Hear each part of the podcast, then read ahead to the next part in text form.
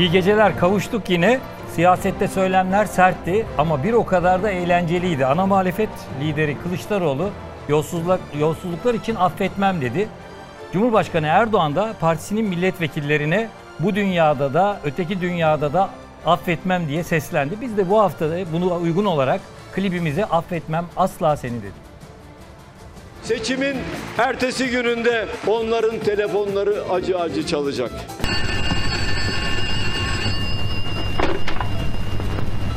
Alo. Ben Kemal. Geliyorum. Alo. Ben Kemal. Geliyorum. Açtıkları telefonun ucunda bir ses duyacaklar. Ben Kemal, geliyorum. Ben Kemal. Geliyorum. Çocuklar. Kemal geliyor tedbirimizi alalım. Sıkar sıkar neyin hesabını soruyorsun? Affetmem asla seni Ateş olup yaksan da Onca güller taksan da Ah olup baksan da Affetmem asla seni Haksızlık karşısında susan dilsiz şeytandır. Bu şeytanlarla hesaplaşmakta benim namus borcumdur. Derdime Buradan Naciye sesleniyorum. Zulümden hoşlanmam. Bunu yapanları da asla ve asla affetmem. Affetmem asla seni Yakıcı gıdan olsa Memleketin gülmeye, eğlenmeye de ihtiyacı var. Duyanlara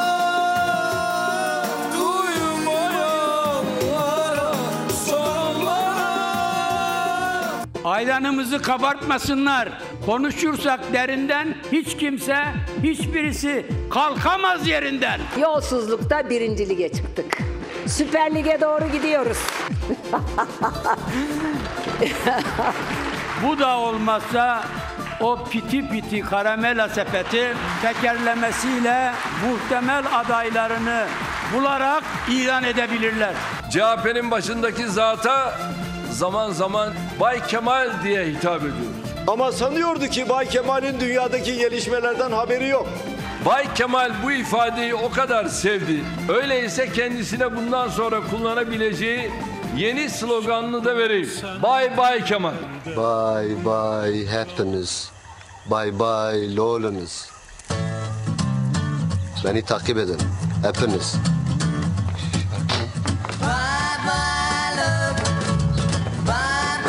14 Mayıs'ta Bay Bay Kemal'e çevireceğinizden şüphe duymuyorum. E, bay bay hepiniz de olabilir ama ba- bana göre güle güle Erdoğan demek daha uygun. Yani kendisini de fazla incitmeden. Henüz yeni başlıyoruz. Alayınızı birden çılgına döndüreceğiz. AKP sıraları evet arkadaşlar. Yasa görüşülüyor ama hiçbiri yok. Eğer hakkıyla yerine görevini getirmiyorsan bu millet sana hakkını helal etmez. Ve aldığınız maaşlar haramdır haram. Eğer kim gelmediyse ben de onlara hakkımı helal etmiyorum. Affetmem asla seni Milletimin önünde açıkça ifade ediyorum. Vallahi de billahi de raporda görmezsem yakarım sizleri. Affetmem asla Kutlu mücadele hiçbir kaprise, hiçbir inada kurban edilemez. Hiçbir şahsi hırsa, hiçbir koltuk hesabına feda edilemez. Bay Kemal asla ve asla geri adım atmaz. 14 Mayıs'tan sonra her şey çok iyi, her şey çok güzel olacak.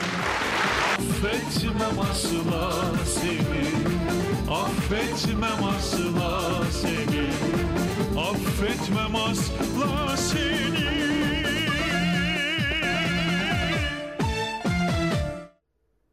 Çok güzel bir klip olmuş. Arkadaşların eline sağlık. Şarkılarıyla bir döneme damga vuran Yıldırım Gürses'i de buradan saygıyla analım. Yolsuzluk iddiaları, hayat pahalılığı, yargı bağımsızlığı başlıkların hepsi birbirinden yakıcı. Ee, Türkiye bu zorlu dönemde 100 gün sonra sandık başında olacak. Millet İttifakı'nın Cumhurbaşkanı adayı ise henüz belli değil. Artık her söylem bu bilmeceye yönelik. Ee, bu soru yanıtlanırsa pek çok şey yanıtlanacak. Beyaz perdenin hafızalara kazınan kareleri bil- bile bununla ilgili buna benzer yorumlayabiliriz. Ee, izleyelim devam edeceğiz. Seçimin ertesi gününde onların telefonları acı acı çalacak. Açtıkları telefonun ucunda bir ses duyacaklar. Ben Kemal geliyorum. Alo ben Abbas. Ben Kemal. Geliyorum. Kendisine bundan sonra kullanabileceği yeni sloganını da vereyim. Bay Bay Kemal. Hani bir şarkı vardı. Son sözlerini söylesinler. e, sıkma çocukları. Hani bir şarkı vardı. Bye bye happiness. Bye bye loneliness. Beni takip edin. Hepiniz.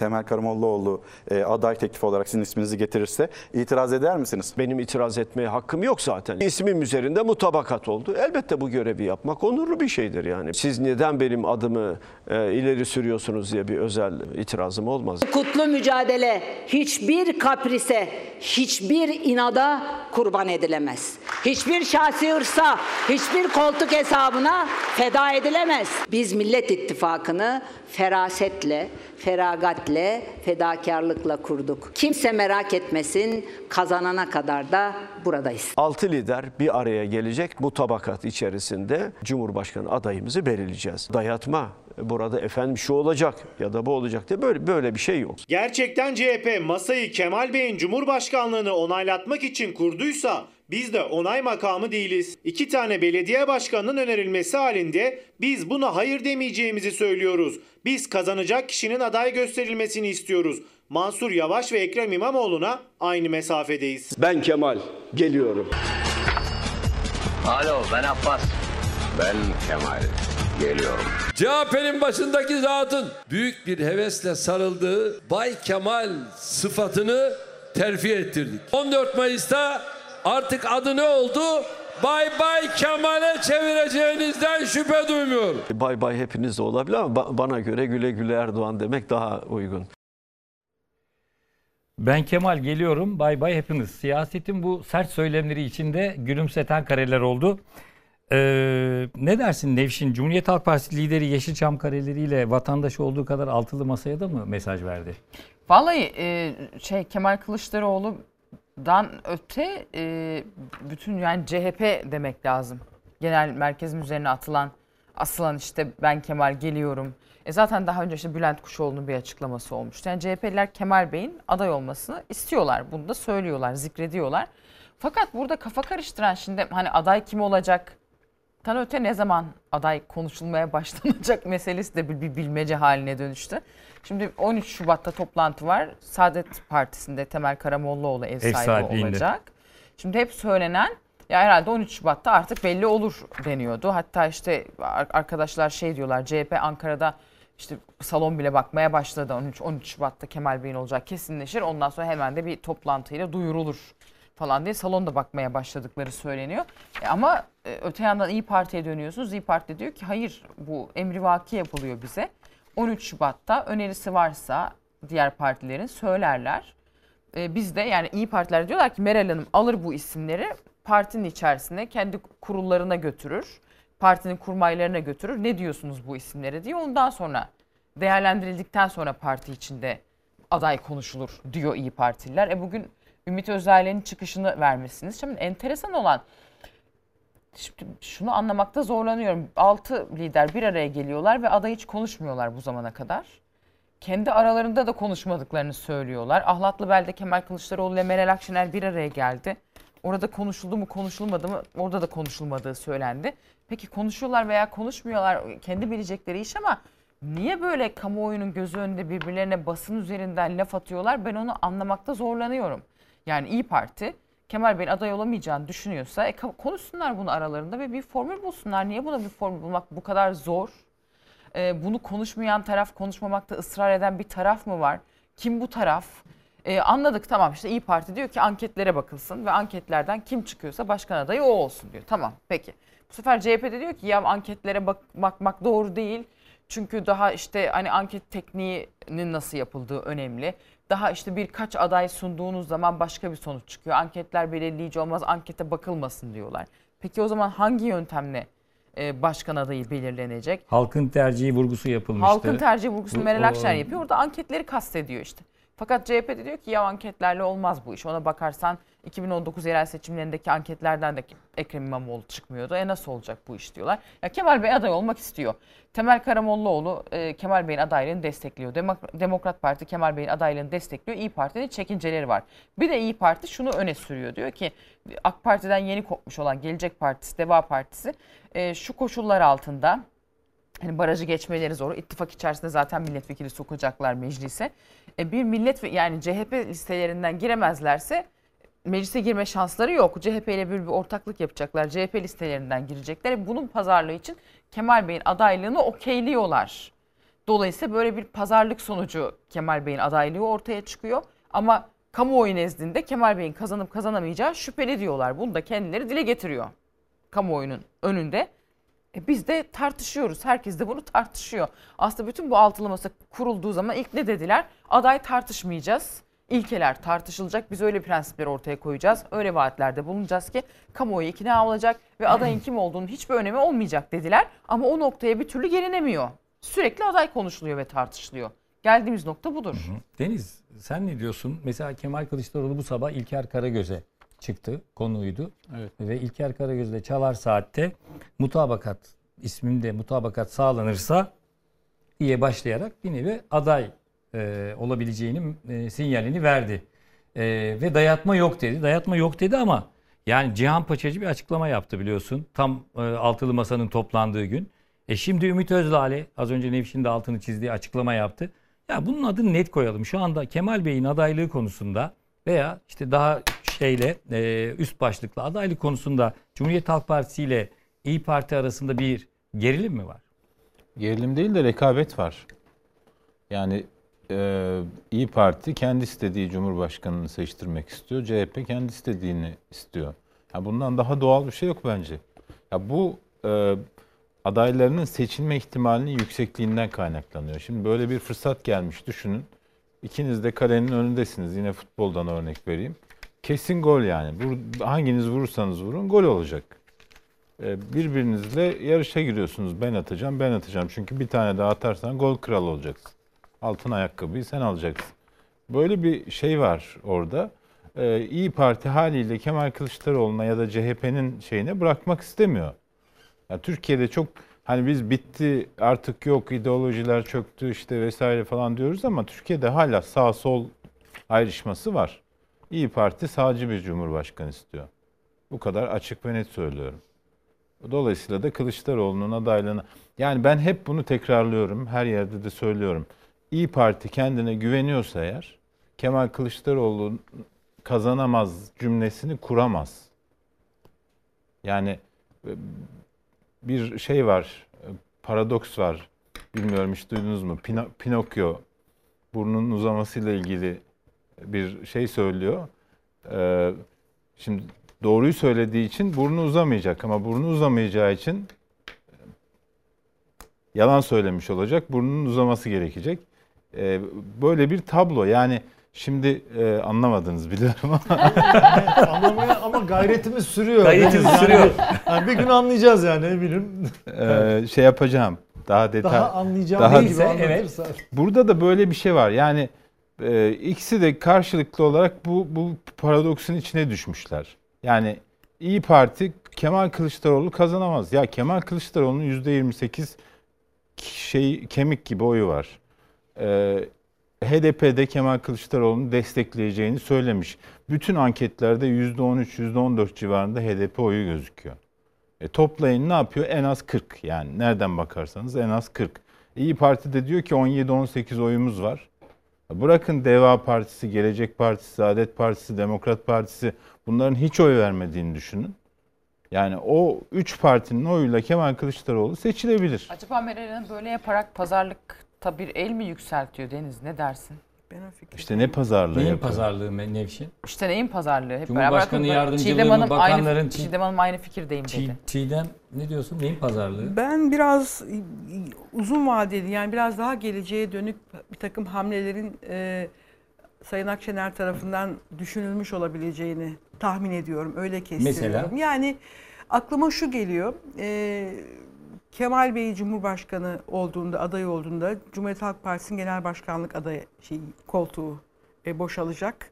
Yani onun yerine gelecek kişiye göre belki kendi pozisyonu, kendi kendini başbakan olarak tarifledi ya Sayın Daha Akşener. açık olarak İmamoğlu eğer genel başkan olursa kendisinin başbakanlığı mı zora girecek demek istiyor? Olabilir. Bu bir ihtimal olabilir. Tam tersi olur ama bence. Yani Hayır bu, bu bir ihtimal diyorum şu ben. açıdan Yani tam tersi olur. Ee, sen onu tamamla ben devam edeceğim. İmamoğlu Peki. ya da Mansur Yavaş Cumhurbaşkanı olursa parlamentoda en çok e, sandalyesi olan şey parti ya AK Parti olur ya CHP olur. Dolayısıyla başbakan ya AK Parti'den çıkar ya CHP'den çıkar. İyi Parti'ye sıra gelmeyebilir. Yani İyi Parti'nin parlamentoda birinci parti olması gerekmiyor mu başbakan olabilmesi için? Böyle bir durum var mı şu anda? Sistem değişirse ancak o. Sistem işte iki sene içinde değiştiğini varsay. Yani iki sene sonra Cumhurbaşkanı meclisin içinden bir başbakan atayacak. Hangi partiye bakar? Ama o zaman AK Parti kaybeder. Hani o zaman oradaki hesap sonuçta Cumhurbaşkanı yani Erdoğan kaybederse e, AK Parti mi kalır daha? AK Parti kalmaz ki. Hayır. Sonuçta mecliste bir AK Parti grubu olacak, değil mi? Olacak mı? Olmaz ki Cumhurbaşkanı Erdoğan kaybettikten sonra sen daha iyi biliyorsun. AK Parti var seçime ne girmiyor olacak? mu? Şimdi giriyor da şimdi Cumhurbaşkanı kaybetti gitti. Kemal Tamam. Bey Cumhurbaşkanı oldu. Tamam. E ne olacak? Ne AK Partisi kalır ondan Doğru. sonra? Kalmaz Nasıl ki. kalmaz? Şu anda birinci parti. İki sene sonra demiyor Tabii mu? iki, hayır. Bak bir tane seçim olacak. Evet. 2000, 2023 yılında Tamam. bir cumhurbaşkanlığı bir meclis seçimi olacak. Cumhurbaşkanlığı seçimini kim kazanırsa kazansın. Bir Hı. kenara koyalım. Parlamento seçimlerinde şu anda e, anketlerde birinci görünen hangi parti var? AK Parti. AK Parti var. Dolayısıyla meclisteki en büyük grup onlar olabilir. Hı. Dolayısıyla da iki sene sonra diyelim anayasayı değiştirdik. Şimdi 14 Mayıs'ta seçilen Cumhurbaşkanı parlamentodan birine başbakanlık görevi verecek ve kabineyi kur diyecek. Kim olacak o? En çok milletvekili olan parti olacak değil mi? Ha AK Parti tek başına hükümet kurmayı beceremedi. İade etti. Sonra Cumhurbaşkanı başka bir partiye verdi. O kim olacak? Büyük ihtimalle CHP olacak. CHP de gidecek İyi Parti ile koalisyon yapacak. CHP'nin başında kim varsa başbakan o olacak. Ya şöyle Hı. ben şunu Evet, söylemek Çiğdem. istiyorum. Yani sonuç olarak e, bu uzayan bu süreç e, seçmenlerde de halkta da bence büyük bir bıkkınlık yaratmış durumda. Şimdi bu bu konuda bir kere netleşmek gerekiyor. E, evet yani bunun bir e, süreci olmalıydı. Önce ortak politikalar işte açıklandı. Mutabakat metni, ilkeler, prensipler, parlamenter sisteme nasıl geçileceğine ilişkin kurallar seti üzerinde uzlaşı sağlanmalıydı falan. Bütün bunlar bitti. E şimdi seçimde bir ay öne alındı. E, Kendi olağan tarihinden Mayıs'a alındı. E biz şimdi Şubat'ın ortasına geleceğiz neredeyse. Şubat'ın ilk haftasındayız. E, süreç geç gecikti. Epeyce bir gecikti. Bu da e, bence eğer aday olacaksa Kemal Bey'in de aleyhine işleyen bir süreç olabilir. Makaslar aldığı için bir yandan da şeyler belli olacağı için listelerle ilgili bir çalışma yapılacağı için. Ee, öte yandan bir de şunu söylemek istiyorum. Bu işte seçilebilecek aday istiyoruz diyor ya İyi Parti. Ee, ama işte onun dışında bir Mansur Bey var, bir de Ekrem Bey var.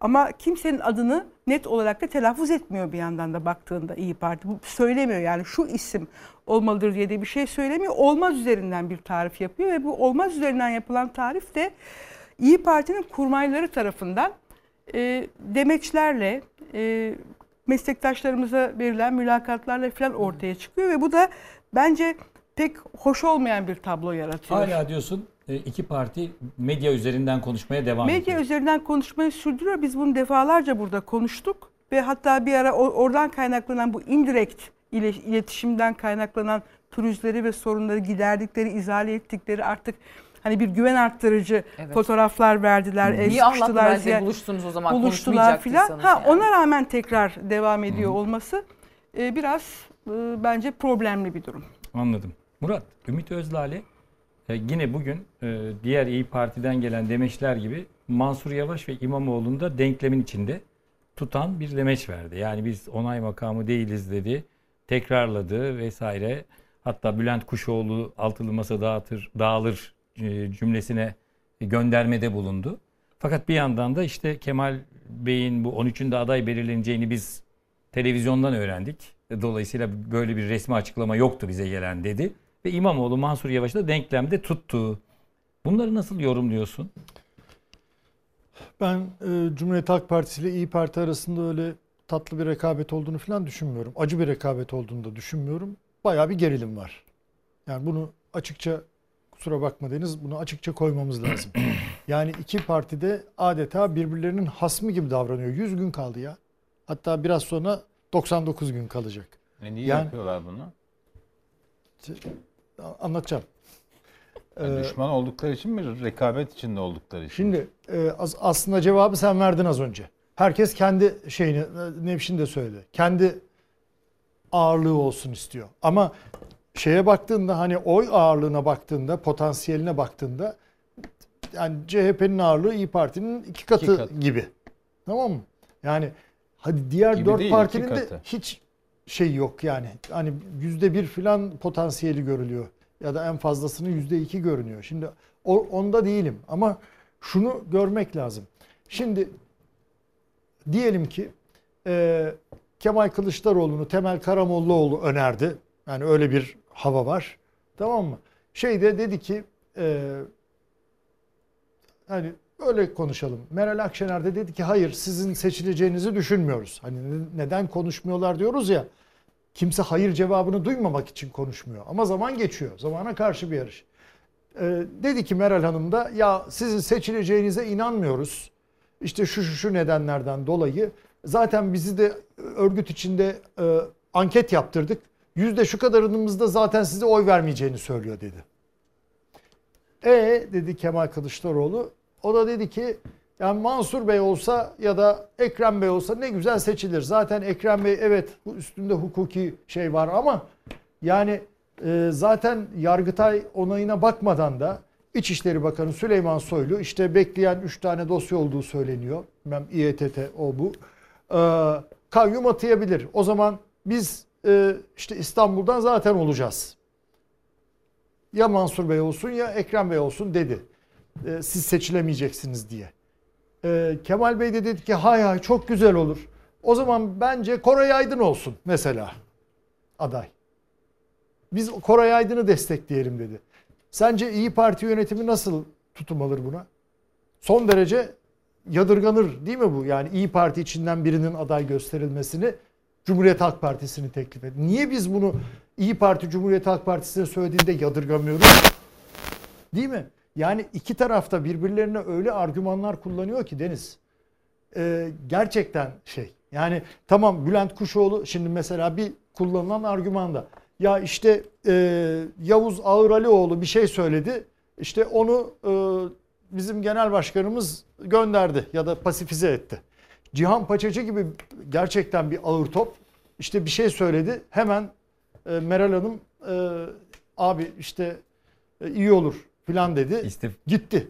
E Bülent Kuşoğlu ilk defa masayı dağıtmaya dağıtma sözünü Kemal Bey olmazsa dağıtırız diyen kim oldu? Bülent Kuşoğlu. Niye Bülent Kuşoğlu'na bir şey olmadı? Üstelik tekrarladı da aynı. Ümit Özdağ da öyle o dedi zaten. Evet. Ya bu, bunları söylüyorlar açıkça. Bu İyi Parti tarafından yani sen biliyorum Bu iki konuda tarafta size da bir konuş, itirazım olabilir. konuştun. Tamam yani. İyi Ya Partililerin, olabilir tabii ki İyi yani, Partililerin tartışalım. argümanı bu yönde. Mesela bugün konuştuğunu biliyorum. Hem iki taraftan Cumhuriyet Halk Partisi'nden İyi Parti'den. Hatta Peki. mesela geçmişte bir Deniz'le biz bir e, Güneydoğu gezisine gittik. E, Urfa ve Diyarbakır'a İyi Parti'nin kongrelerine.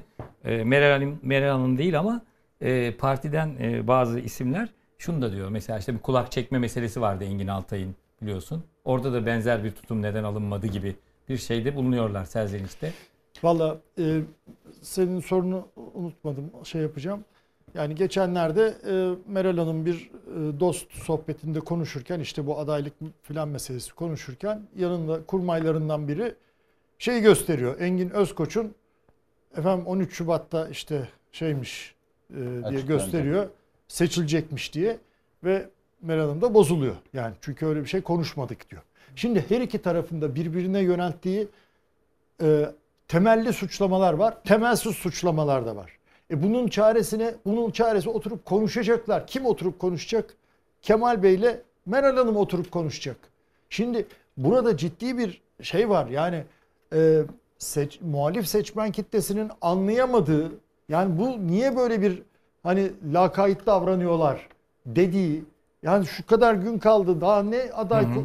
böyle bir durum var ortada. Deniz'in sorusu. Ee, Ben ben şu açıdan itiraz ediyorum. Hani Koray Aydın olsun. Ya mesela Koray Aydın Hayır, dedim. Koray Bey Ama- alınmasın şimdi. Ama canım. ama şimdi şöyle bir itirazım var benim. Ee, Meral Akşener de o zaman Kılıçdaroğlu'na dese ki bizim partinin içinde Koray Aydın Cumhurbaşkanı olsun diyen yok. Ama CHP'nin içinde İmamoğlu olsun ya da Mansur Yavaş olsun diyen çok büyük Çok kalabalıklar güzel, var. Çok güzel. Yani bunun, bunun anlamı ne biliyor musun?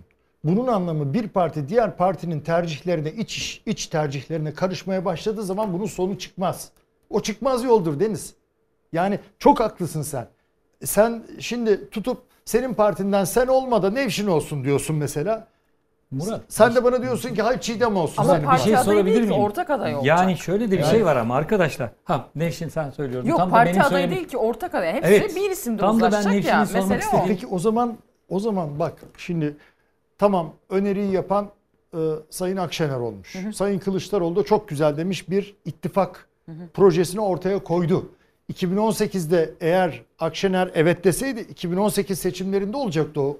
Akşener'in samimi öz eleştirisi var bu konuda. Keşke 2018'de yapmış olsaydık diye. Olmadı. Ama 2019'da yaptık çok başarılı oldu diyor yine kendisi Evet. de öyle diyor. E şimdi bu ittifak modelinin evet yani şu- şunu koymamız lazım. Ee, Cumhuriyet Halk Partisi ittifak modeli olmasaydı %25-26 her neyse bu bantta iktidar perspektifini kuramayacaktı bir türlü. Müzmin muhalefet olarak kalacaktı. Evet. Şimdi bunu aşma imkanı var. Kimle aşma imkanı var? İyi Parti ile aşma Tamam. imkanı var. Tamam. Dolayısıyla bu ikisi birbirine mecbur. Şimdi Ama İYİ- mecbur değillermiş gibi davranıyor. Parti'nin de- bu hakikaten anlaşılır bir Çok şey değil. haklısınız. Ben hani birisinin tarafını tuttuğum için değil hakikaten. Ama İyi Parti de orada diyor ki ya bu Millet İttifakı ilk formülde biz devam ediyor olsaydık işleri mesela yani çok daha işler bir halde olacaktı. Bu altılı Evet. masa haline getirilince yani şimdi Deva Partisi, Gelecek Partisi, Demokrat Parti tamam e, okey Türk siyasetinde önemli, kıymetli ama zaten Gelecek Partisi, Deva Partisi yeni parti. Dün bir, bugün iki. E şimdi herkesin eşit söz hakkı var denince bu sefer başka bir pazarlık giriyor. İşin içerisinde diyorlar. Şimdi çok, çok Ve güzel diyorlar diyorlar. ki- Hı. Peki altılı masa Nevşin kurulduğu zaman hani 6 kişi bir ara, değil mi? Geçen sene Şubat ayında ilk Evet. şeyini yaptılar. 28 Şubat. O zaman niye itiraz olmadı? O zaman niye itiraz olmadı? ama böyle bir şeyle karşılaşacaklarını Şimdi ben öngörememiş öncelikle olabilirler. Deniz e, izni istiyorum. Bir şey bir şey bir belirleyelim. Hani Nevşin'in sormak istediği meseleyi biraz daha ben genişleterek şunu söyleyeyim. Ya burada bir altılı masa var. Ortak aday belirleniyor Murat. Bence bu iç işlerine karışma tartışması olmamalı. Yani tabii ki e, pa- masanın üzerindeki bütün partiler ortak adayı belirlerken kanaatlerini söyleyecekler. Yani bu Cumhuriyet Halk Partisi'nden potansiyel 3 aday da Cumhuriyet Halk Partisi'nden. Ama bu ta- iç işlerine karışma gibi nasıl görülebilir ki? Tam da bu yüzden. Yani Yani tamamen Şimdi- e, CHP'nin inisiyatifinde biz- olan bir şey değil ki Doğan, bu. Bu aynı bak zamanda ikimiz, o ikimiz iki İyi Parti'nin de inisiyatifinde olan diyelim bir şey. ki ikimiz iki grubun e, lideriyiz. Senle ben. Sen bana diyorsun ki arkadaş sen olma diyorsun. Senin partinden Nevşin olsun diyorsun. Ben de sana diyorum ki aa niye sen seçilemezsin diyorsun bana. Ta- tamam çok güzel. O zaman senin partinden Çiğdem olsun Ya bu diyorum iç ben. işlerine karışmak mı oluyor? Başka ne oluyor?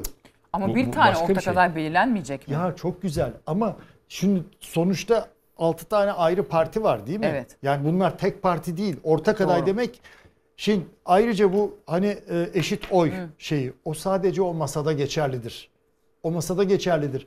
Gerçekten kimin oy ağırlığının ne olacağı ne zaman belli olacak biliyor musun? 14 Mayıs'ta Kesinlikle. 14 Peki, Mayıs'ta seçim sonucunda. parlamento seçimlerinde tamam mı? Parlamento seçimlerinde belki de ilk turda seçim olmayacak. Zaten oraya geleceğiz herhalde. HDP şimdi bir cümle söyleyeyim de HDP'nin desteğini, oy desteğini alamayan şu anda ne iktidar partisi Orası ne muhalefet muhakkak. bloğu ilk turda seçimi alamayacak. Ben de tam bu konuda bir şey Mutlak. soracaktım. Olamayacak. Tamam ben de tam bu konuda soracaktım. Şimdi HDP e, şu olursa biz desteklemeyiz ama şu olursa destekleriz diyebiliyorsa eğer Meral Akşener de ya şu- siz aday olursanız bizim partinin tabanından %100 destek alabileceğimizden emin değiliz Ama şu olursa partimin tabii ki tabanından yüzde yüz destek alabiliriz Ya deme bunu- hakkına sahip bu değil mi? hakkı. Ama oradan isim yani isim gösterdiği zaman şimdi Kemal Kılıçdaroğlu mu karar verdi İstanbul Büyükşehir Belediye Başkan adayının Ekrem İmamoğlu olmasına? Evet. Mansur Yavaş'ın aday olmasına kim karar verdi? Ona da Kemal Kılıçdaroğlu. birlikte karar Birlikte verdiler. oldu. Ya Sonuçta Cumhuriyet Halk Partililere benim adayım Çiğdem olsun diyen, Mansur Yavaş olsun diyen kimdi? Kılıçdaroğlu'ydu K- Kemal ama Kı- çok güzel. Yani onun tercihleriydi. Şimdi biraz hakkaniyetli olmamız lazım. Hiç danışmadı Her mı. Kemal Kılıçdaroğlu? Danışmaz olur mu canım? Danışır ama sonuçta CHP adayı olarak çıktı ortaya. Çiğdem, Çiğdem bu iç işlerine karışmak mıdır? Yani gönül isterdi ki hakikaten tam bir mutabakatla belli olsun. Çünkü başından beri bize neredeyse ezberlenmiş bir şekilde aynı cümleyi söyledi, söylediler. Öyle değil mi? Yani altılı masadaki altı liderin tamamının onayını alması gerekiyor. Tam anlamıyla bir ortak aday olacak deniyor. Ama burada belli ki e, İyi Parti ile Cumhuriyet Halk Partisi arasında bir e, siyasi yarış var. Yani o Cumhurbaşkanlığı adayına da doğal olarak yansımış durumda. Çünkü seçim sonrası 14 Mayıs sonrası iktidar el değiştirdiğinde fiili olarak el değiştirecek şeyin büyüklüğü de çok fazla. Yani hem yönetim hem iktidar alanı hem kurumlar hem bu kurumların büyüklüğü, kadrolar, personel e, çok büyük bir yetki ve nüfuz alanından bahsediyoruz. Dolayısıyla e, liderlerin kafasında buna ilişkin mutlaka e, hesaplar var. Bu belirsizlikte ve bu gerilimde. Yani benim demek istediğim aslında şu. Ee, gün kalmadı. Zaman kalmadı. Muhalefet O konuda açısından söylüyorum. katılıyorum. Evet. Artık bunlar armudun sapı, üzümün çöpü falan Evet. Evet. şey değil. Size açık söyleyeyim. Bu gidişle e, muhalefet kaybedecek.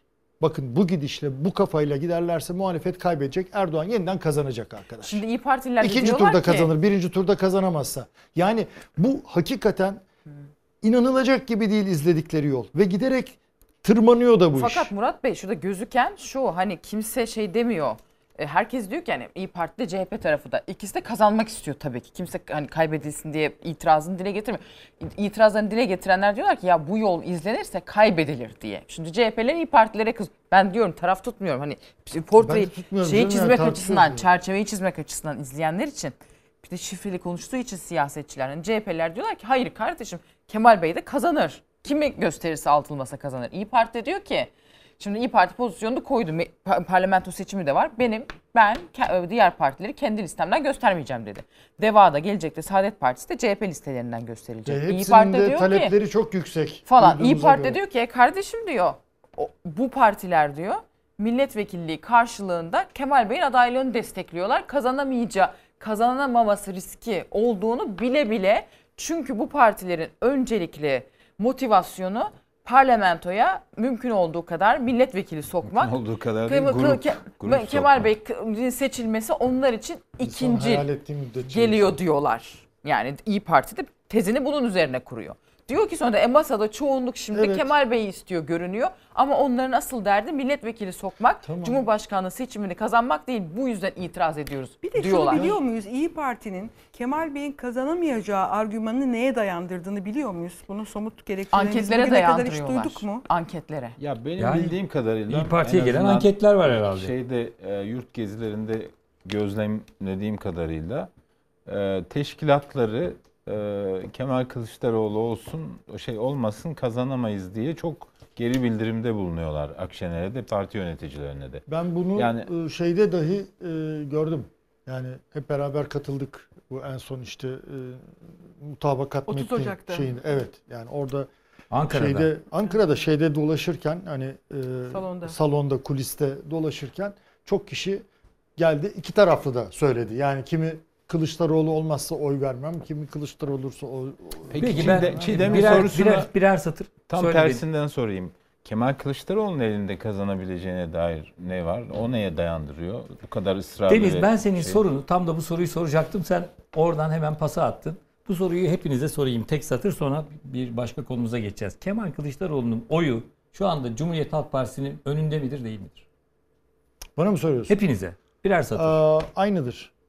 Cumhuriyet Aynen. Halk Partisi şu anda Kemal Kılıçdaroğlu'nun arkasında duruyor. Yani Nokta. Özellikle de- örgütü demiyorum bak. Orada yanlış Evet, anlıyor. anladım. Orada şöyle Kemal şey. Kılıçdaroğlu'nun oyu CHP yani. Erdoğan'ın nasıl AK Parti'den yüksek oyu varsa ben de benzer bir şey söylüyorum. bunu hiç- Kılıçdaroğlu'nun bunu- oyu Cumhuriyet Halk Partisi'nin üstünde midir değil mi? Doğancığım CHP buna başka dair bir bir ölçümümüz yok. Ötekine dair ölçümümüz var. Çünkü Cumhurbaşkanlığının kabul e, onay e, yüzdeleri belli.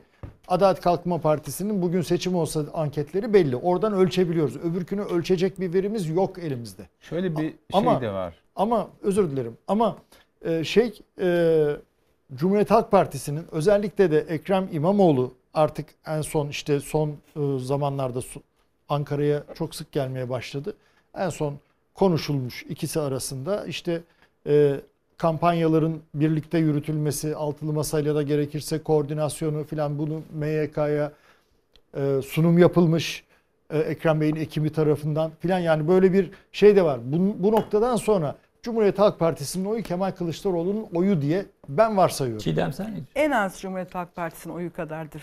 En az. En az. Fazlası evet. vardır diyorsun, Fazlası eksiği olabilir. yoktur. Ama Evet. Cumhurbaşkanı adayı olarak mı diyorsunuz? Cumhurbaşkanı yoksa? adayı. Adayı olarak adayı. sordum zaten Siz ben öyle mi Ben öyle sordum. Ha, ben şunu diyeceğim. Hani Biraz CHP biraz olabilir. farklı bir yapı bence. Hani onu şeyde tutmak lazım. Hani Erdoğan AK Parti yapısı ile CHP ve X siyasetçi yapısı farklı aslında. Onu şeye koymak lazım. Nice siyasetçiler gördük ya. Hı. CHP'de parlayan, CHP ile par- parlayan CHP'den ayrıldıktan sonra yani farklı bir parti yapısı var. Onun için CHP seçme yani AK Parti seçmeni Erdoğan'a bağlı. CHP seçmeni ise CHP'ye bağlı. Hani onu her zaman akılda tutmak lazım ama şu olmaz yani bence de. Kemal Bey'in ortak aday olması durumunda sandığa gitmeyecek CHP'li olmaz. Hani Kemal Bey'in yeteri kadar kuvvetli bir lider olmadığını düşünen CHP'liler bile gider oy verirler. Evet. Evet Deniz bir, birkaç satır hemen söyleyeyim. Yani Diğer ben konuya geçeceğiz zaman. şu şu açıdan fazla olabilir oyu. Yani e, Ekmelettin İhsanoğlu'nun, Muharrem İnce'nin oyu e, Cumhurbaşkanlığı seçiminde partilerden daha yüksekti.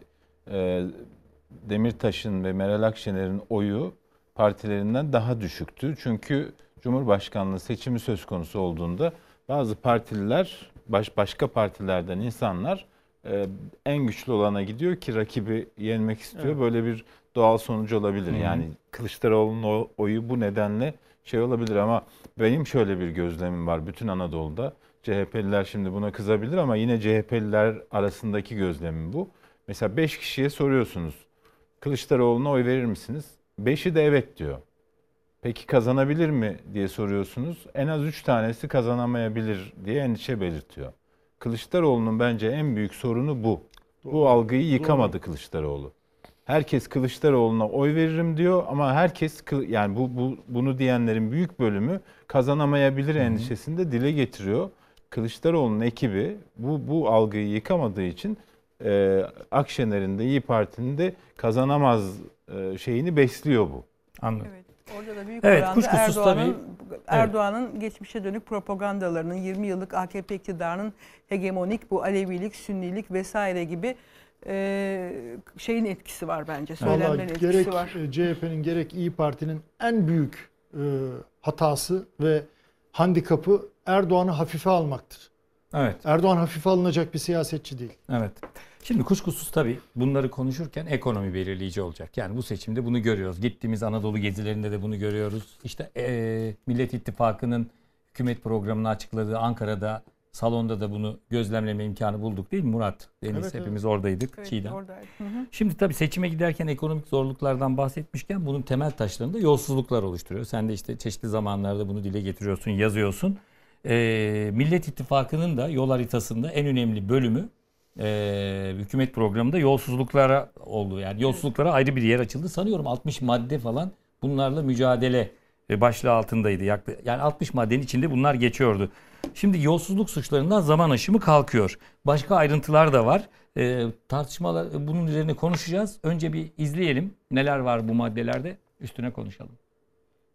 Rüşvet ve yolsuzluk suçlarında zaman aşımını kaldıracağız. Asla af kapsamına almayacağız. İktidarımızda çetelerle boy boy fotoğraf çektiren bir İçişleri Bakanı olmayacak. Türkiye Büyük Millet Meclisi'nde yolsuzlukla mücadele komisyonu kurulacak. Rüşvet ve yolsuzluk suçlarında zaman aşımı olmayacak. Rüşvet, yolsuzluk suçları af kapsamına alınmayacak. Kamuoyunda 128 milyar dolar olarak bilinen hukuksuzlukların takipçisi olacak. Pazarlık usulüyle yapılmış tüm ihaleleri geriye doğru tahkik edeceğiz. Mal varlıklarının geri alınması ofisi kurulacak. Pazarlık usulü yapılan ihaleler soruşturulacak. Kamu özel işbirliği projeleri zararları tahsil edilecek. Kara parayı aklayan da şerefsizdir. Uyuşturucu ticaretini yapan şerefsizdir.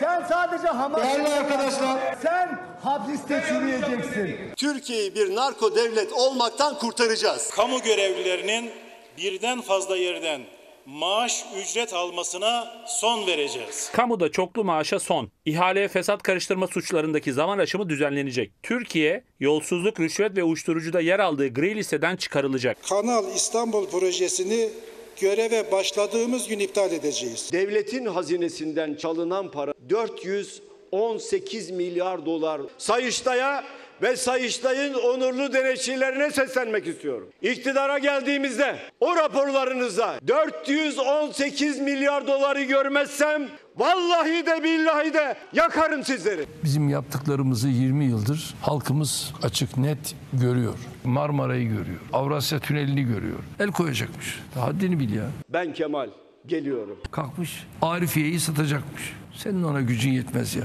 Neyini satıyorsun? O fırtına obüslerinin ne iş gördüğünü bile bilmez ha. El koyacakmış. Biz satılan palet fabrikasını geri alıp eskiden olduğu gibi orduya teslim edeceğiz. Tank 2018'de yapılacaktı değil mi? Nerede bu tank? Yolsuzlukta birinci lige çıktık. Süper Lig'e doğru gidiyoruz. Ne diyor? Şunu yıkacağız. Bunu yıkacağız. Neyi yıkıyorsun ya?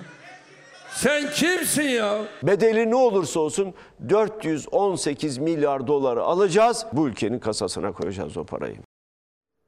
Kılıçdaroğlu yakarım diyor. Şimdi Çiğdem, e, kamu özel sektör işbirliğiyle yapılan projelerin mercek altına alınacağını görüyoruz. Bu projelerden doğan kamu zararlarının tahsil edileceği vaat edildiği, yurt dışına kaçılan paraların peşine düşürülecek. Galiba bununla ilgili de bir komisyondan bahsediliyor. Evet. Kamuda çoklu maaş dönemi bitiyor. Kamu e, ihale kurumu yeniden yapılandırılacak. Görevini kötüye kullanıp devlete zarara uğratan hakim ve savcılar ta- ta- e, tazminat ödeyecek. Bunlar mümkün mü? Yapabilecekler mi bunları? Umarım yapabilirler. Bir kere her şeyden önce ben e, yolsuzluklar konusunda bu kadar kapsamlı ve bu kadar ayrıntılı bir e, politika seti beklemiyordum. Onu onu söyleyeyim. E, yakın bir zamana kadar neredeyse yolsuzluk kelimesi ağza bile alınmıyordu. Yani e, genel olarak liderler israf sözcüğünü kullanmayı tercih ediyorlardı. Ben de bunun tersine bunun yanlış olduğunu ve israf ve yolsuzluğun ayrı ayrı şeyler olduğunu, birinin diğerine ikame olmayacağını çok dile getirdim. Nihayet Türkiye'nin özellikle uluslararası arenada çok ağır bir şekilde eleştirilmesine yol açan yolsuzlukla mücadele, terörizmin finansmanı e, gibi konularda gri listeye de alınmasına yol açan, yolsuzluk algı endeksinde her sene 3-4 sıra birden gerilemesine yol açan e, sebeplerin tamamı yapılacak vaatleriyle buraya bir taahhütler seti olarak konulmuş. Bir meclis nezdinde oluşturacak yolsuzluklar araştırma komisyonu önemli. Bir de ayrıca e, mal varlıklarının geri alınması ofisi. Hani sık sık dile getiriyor yurt dışına kaçırılan şeyler, e, suç gelirleri diyelim biz ona. Yani kara para aslında suç geliri demek. Daha doğrusu öyle ifadelendiriliyor. E, bu da küresel bir ağa dayanıyor. Küresel bir ağ derken uluslararası kuruluşların networklerine dayanıyor. Birleşmiş Milletler'in de Avrupa Birliği'nin de bu konuda direktifleri var. Mal varlıklarının geri alınması ofisi. Belli ki burada da sanırım e, bir ön görüşmeler, ön temaslar e, yapılmış. Çünkü Türkiye ile ilgili gerek OECD'nin gerek Mali Eylem Görev, Görev Grubu'nun e, onunla ilgili son raporlara baktığınızda mesela şöyle bir eleştiri var. Bu eleştiri her sene tekrarlanıyor. Bir tane diyorlar konusu rüşvet olan tamamlanmış, sonuçlanmış bir dava, bir soruşturma yok. Yok. Bir tane bile yok. Ee, ona ilişkin burada maddeler var. Bir de bizim yıllarca yazdığımız 21B meşhur bu Hmm. acil durumlarda kamu idarelerine verilen bir ihale yetkisi var. Depremde, Meşhur selde 21B. filan. Onu su yolu haline getirdiler biliyorsunuz. Birçok yolsuzlukların kaynağı o. Yüzlerce ihale 21B ile verildi. Koşulları olmadığı halde o bir madde olarak girmiş ve keza senin bahsettiğin kamu özel işbirliği. Yani hani bu ticari sır gerekçesine sığındıkları sözleşmeler var ya Hı hı. 65-70 sayfalık biz onları bilmiyoruz. Milletvekillerine bile bakanlıklar e, ticari sır gerekçesi bu sözleşmeleri anlatmıyorlar, söylemiyorlar. Kapalı sözleşmeler döviz üzerinden garantiler veriliyor. Alınacak paralar döviz üzerinden güncelleniyor. Yüzlerce milyar dolar. Sırf şehir hastanelerinin mali yükü 81.2 milyar dolar. Çok büyük bir tutar bu. Tamamı 160 milyar dolar. Bunlarla ilgili bir izleme merkezi kurulması gerekiyordu. Bu da yıllardır uluslararası kuruluşlar tarafından gündeme getiriliyordu. Onun sözü verilmiş. Yani bütün vatandaşların görebileceği şekilde şeffaf işte falanca otoyol diyoruz ya filanca tünel, şu havalimanı, şu şehir hastanesi hem onların sözleşmeleri hem de onlardan doğan borçlar net olarak takip edebilecek bir e, merkez kurulacak. Zaman aşımına uğramaması bu suçların çok önemli. Yani bütün bunlar için güçlü bir irade sergilemek gerekiyor. Arkasında durmak gerekiyor. Çok kolay değil. E, konması bir kere büyük bir bence adım. Önemli bir adım. Bunun Çiğdem, hakkını vermek gerekiyor. e, izleyicilerin, yurttaşların en çok merak ettiği, benim de bizlerin de merak ettiği yurt dışına çıkan ciddi para var. Evet. Hatırlarsın 80 öncesinde bu e, iş insanları pek çok e, iş insanı parayı yurt dışına çıkardı ve Özal iktidara geldikten sonra Anavatan Partisi Özal Başbakan olduktan sonra bu iş insanlarıyla Murat tek tek pazarlık yaptı ve bu insanlar hatta aralarında vatandaşlıktan çıkarılan iş insanları da vardı. Vatandaşlıkları geri verilerek bu paralar İsviçre bankalarından geldi. Şimdi İsviçre bankalarında bu paralar yine birikmiş vaziyette. Başka ba- yerlerde de tabii gayrimenkul olarak Hollanda, Malezya'da vesaire artık Singapur'a her yere gitti bu paralar. Vatandaşın e, merak ettiği bu paralar nasıl getirilecek? Getirilebilecek mi? Normal koşullarda bunların getirilmesine dönük bütün altyapı aslında hazır. Türkiye bu vergi cennetleriyle ilgili e, uluslararası sözleşmeye imza atmış ama gerekli Bakanlar Kurulu kararını çıkarmadı AKP döneminde. Mesela o karar çıkarıldığında bak ilgili bir bakanlar kurulu yok şimdi ama ona ilişkin siyasi irade sergilendiğinde vergi cennetlerini tanıdığınız zaman o zaman o paraları geri istemeniz kolaylaşıyor. Ee, her türlü uluslararası anlaşmada Türkiye'nin zaten şeyi var. Devlet olarak bir taraf, bir imzası var. Protokollerde altında bir takım taahhütleri var. Bunlar işlemiyor. Senelerdir işletilmiyor. Zaten uluslararası kuruluşların Türkiye'ye dönük eleştirileri bu. İstenirse olur. Olmayacak bir şey yok. Murat? Ee, Meral Akşener geçen sene galiba bir tanım kullanmıştı. Tiksindirici borç Evet. diye. Hı hı.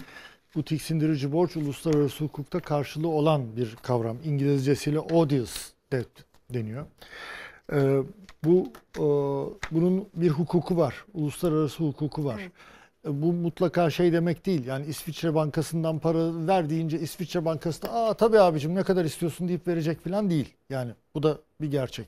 Ama Ama iş bunlar insanlarını Özal ikna etmişti. Belki öyle bir ikna mı olur? işte o ondan sonra ne oldu? Onun devamında e, şey e, vergi ne deniyordu? Vergi Vergi kat- affı, Vergi affı vergi vesaire. barışı. Hayır canım. E, işte Yeniden yapılandırma mı? sahte faturalar bilmem neler Ha, filan. hayali ihracat. Hayali ihracat.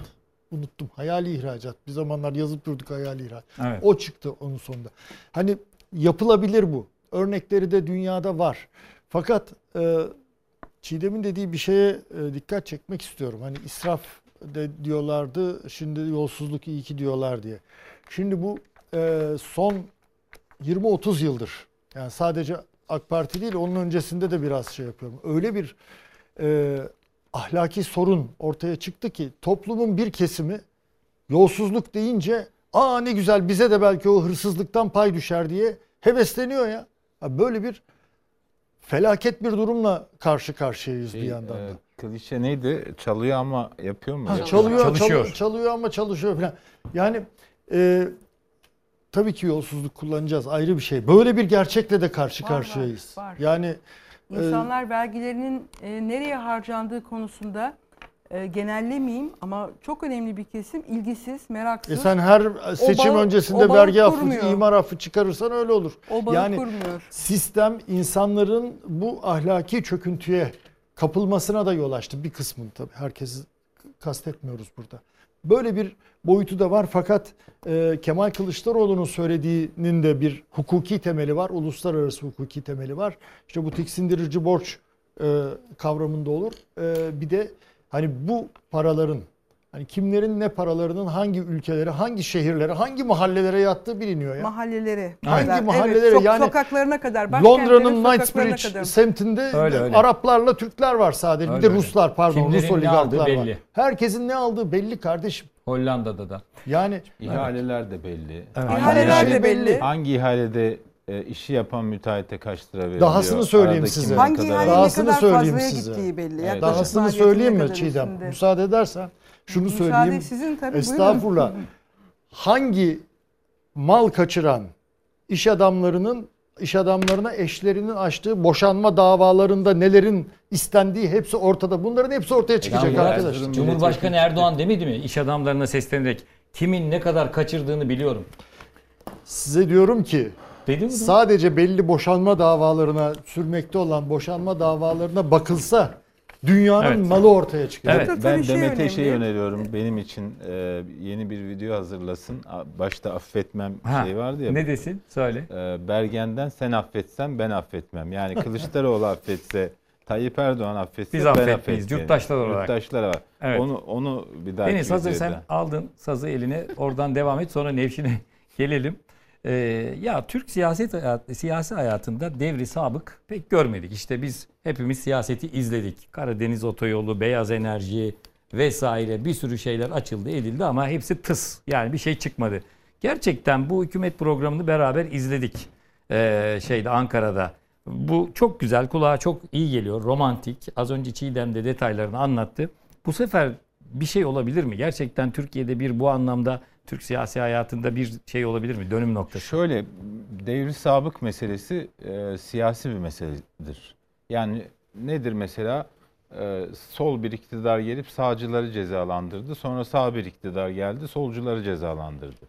İşte 28 Şubatçılar başörtülere e, zorluk çıkardı. AK Parti başörtülere pozitif ayrımcılık yapıp başı açık olanlara zorluk çıkardı vesaire. Yani de- ben devri sabık, sabıktan bunu anlıyorum ama bizim konuştuğumuz meseleler devri sabık konusu değil. Bizim konuştuğumuz meseleler basit hukuk konularıdır. Yani siz 3 liralık bir işi 7 liraya yaptırmışsanız arada Canım birileri... benim söylediklerim de hukuk konusuydu. Beyaz enerji, Karadeniz otoyolu bunlar hepsi hukuk konusu. Küçük Evet. destekleyici bir şey sen devam et diye söyleyeceğim. Evet. Karadeniz otoyolu değil mi? Evet. Özellikle daha önceki hani ANAP, DYP dönemlerinde e, muhalefetin çok ve o zaman AK Parti değildi hani Refah Partisi'ydi. O zaman çok itiraz ettikleri bir şeydi. Peki Karadeniz otoyolunu yapan kişilerle, kişiyle, müteahhitle şimdi o beşli çete diye adlandırılan müteahhitlerin en başında gelen kişi aynı kişi değil mi? Aynı kişi. Hah, işte örtbas etme ama, şeyi budur Ama yani. şimdi Beşli Çete'den e, birkaç bir iki tanesi mesela şimdi muhalefetten olan bir belediyenin belediye başkanıyla e, kanka vaziyetinde mi değil mi? Öyle. Yani Öyle. bir diğer iş adamlarındansa onlara daha öncelik veriliyor mu? Verilmiyor mu? E zaten Kemal Bu da- Kılıçdaroğlu demedi mi? Ben biliyorum sizlerin kimlerle yapacağını hiç görüşmeyeceksiniz ben görüşmüyorum demedi mi? Bu yüzden E, dedi. öyle tabii. Yani bu burada şöyle bir şey var. Bu e, Doğan'ın çok sık kullandığı bir söz var. Ben de artık kullanmaya başladım. E, yağmur nerede yağarsa tarlayı oraya taşıyan iş adamları var. E, ve e, şey de hep buna aldanıyor. Siyasetçiler de hep buna aldanıyor. Ve parasından biraz da ben faydalanayım. İşte e, biraz da biz nemalanalım. E, bal tutan parmağını yalar, kavanozu ben tutuyorum. Biraz da ben yalayayım. Bunlara kavanoz muamelesi yapıyorlar yani. Hı hı. Bal bu kavanozun içinde. Dolayısıyla ben tutayım biraz. Dolup Evet. dolmamasına yani bakmıyor. ki Kemal Bey buna uyanmış görünüyor. Son grup konuşmasında bunlar dedi ilk defa sadece Erdoğan'ı suçlamadı. Bunlar dedi ondan önce de vardı dedi. Bunlar bütün gelen iktidarları kendi çıkarları doğrultusunda Ya ve mesela- herkese yediriyorlar dedi. Aynen de bunu söyledi. Mesela Ar- Arifiye meselesi. dedi. Bakın Tamam. burada çok somut bir şey vereceğim. Arifiye meselesi. Bir kere Sayın Cumhurbaşkanı şu konuda yanılıyor.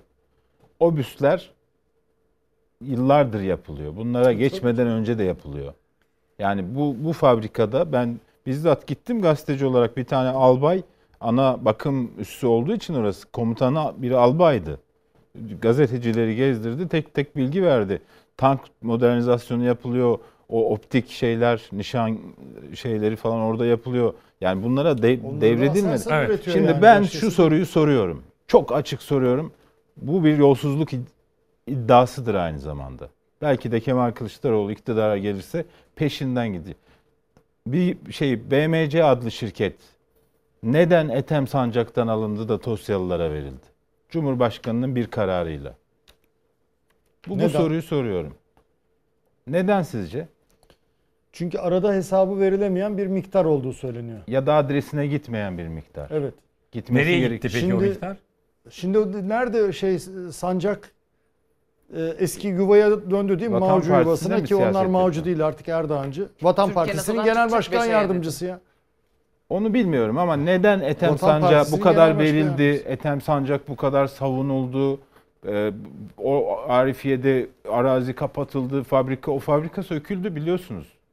Ya tüyü bitmemiş yetimin hakları bunlar. Dolayısıyla da bu tür o kadar çok yolsuzluk var ki bunların hepsinin üstüne gitmek gelecek olan iktidarın boynunun borcudur. Hukukun gereğidir. Bu devri sabık meselesi değildir yani.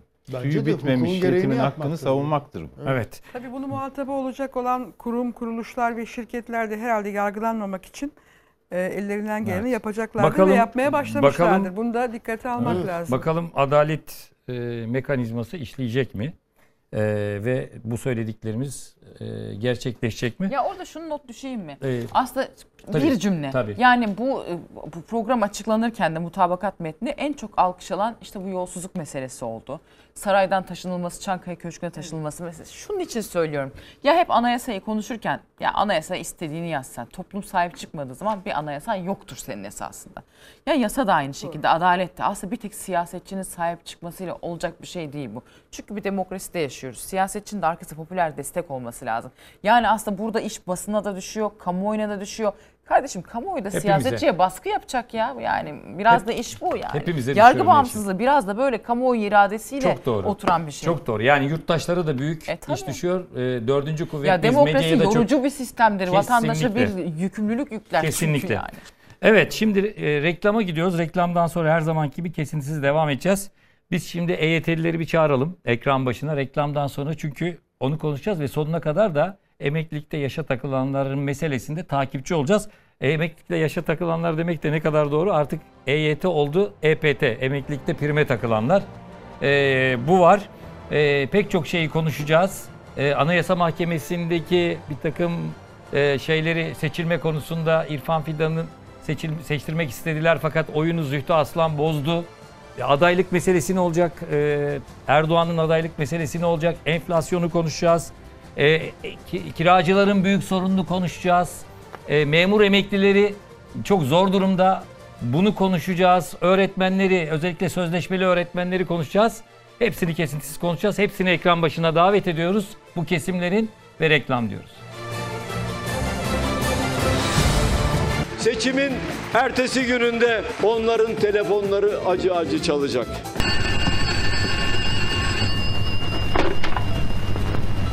Alo. Ben Kemal. Geliyorum. Alo. Ben Kemal. Geliyorum. Açtıkları telefonun ucunda bir ses duyacaklar. Ben Kemal, geliyorum. Ben Kemal. Geliyorum. Çocuklar! Kemal geliyor tedbirimizi alalım. Sıkar sıkar neyin hesabını soruyorsun? Affetmem asla seni Ateş olup yaksan da Onca güller taksan da Ah olup baksan da Affetmem asla seni Haksızlık karşısında susan dilsiz şeytandır.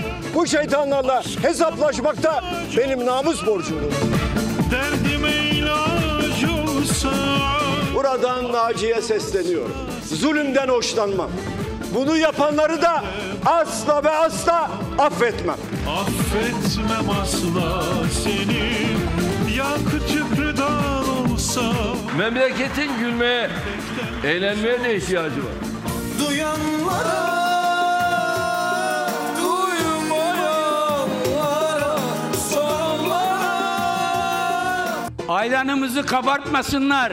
Konuşursak derinden hiç kimse, hiçbirisi kalkamaz yerinden. Yolsuzlukta birinci lige çıktık.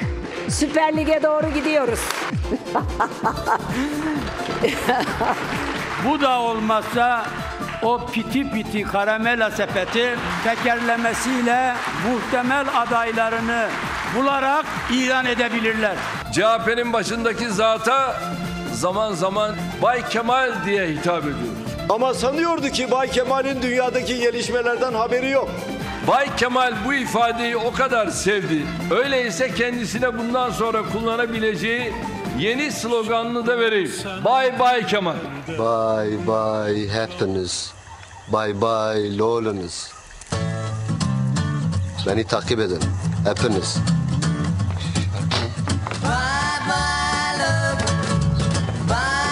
14 Mayıs'ta Bay Bay Kemal'e çevireceğinizden şüphe duymuyorum. E, bay bay hepiniz de olabilir ama ba- bana göre güle güle Erdoğan demek daha uygun. Yani kendisini de fazla incitmeden.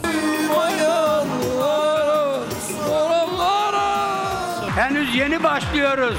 Alayınızı birden çılgına döndüreceğiz. AKP sıraları evet arkadaşlar. Yasa görüşülüyor ama hiçbiri yok. Eğer hakkıyla yerine görevini getirmiyorsan bu millet sana hakkını helal etmez. Ve aldığınız maaşlar haramdır haram. Eğer kim gelmediyse ben de onlara hakkımı helal etmiyorum. Affetmem asla seni. Milletimin önünde açıkça ifade ediyorum. Vallahi de billahi de raporda görmezsem yakarım sizleri. Affetmem asla seni. Kutlu mücadele hiçbir kaprise, hiçbir inada kurban edilemez. Hiçbir şahsi hırsa, hiçbir koltuk hesabına feda edilemez. Bay Kemal asla ve asla geri adım atmaz. 14 Mayıs'tan sonra her şey çok iyi, her şey çok güzel olacak.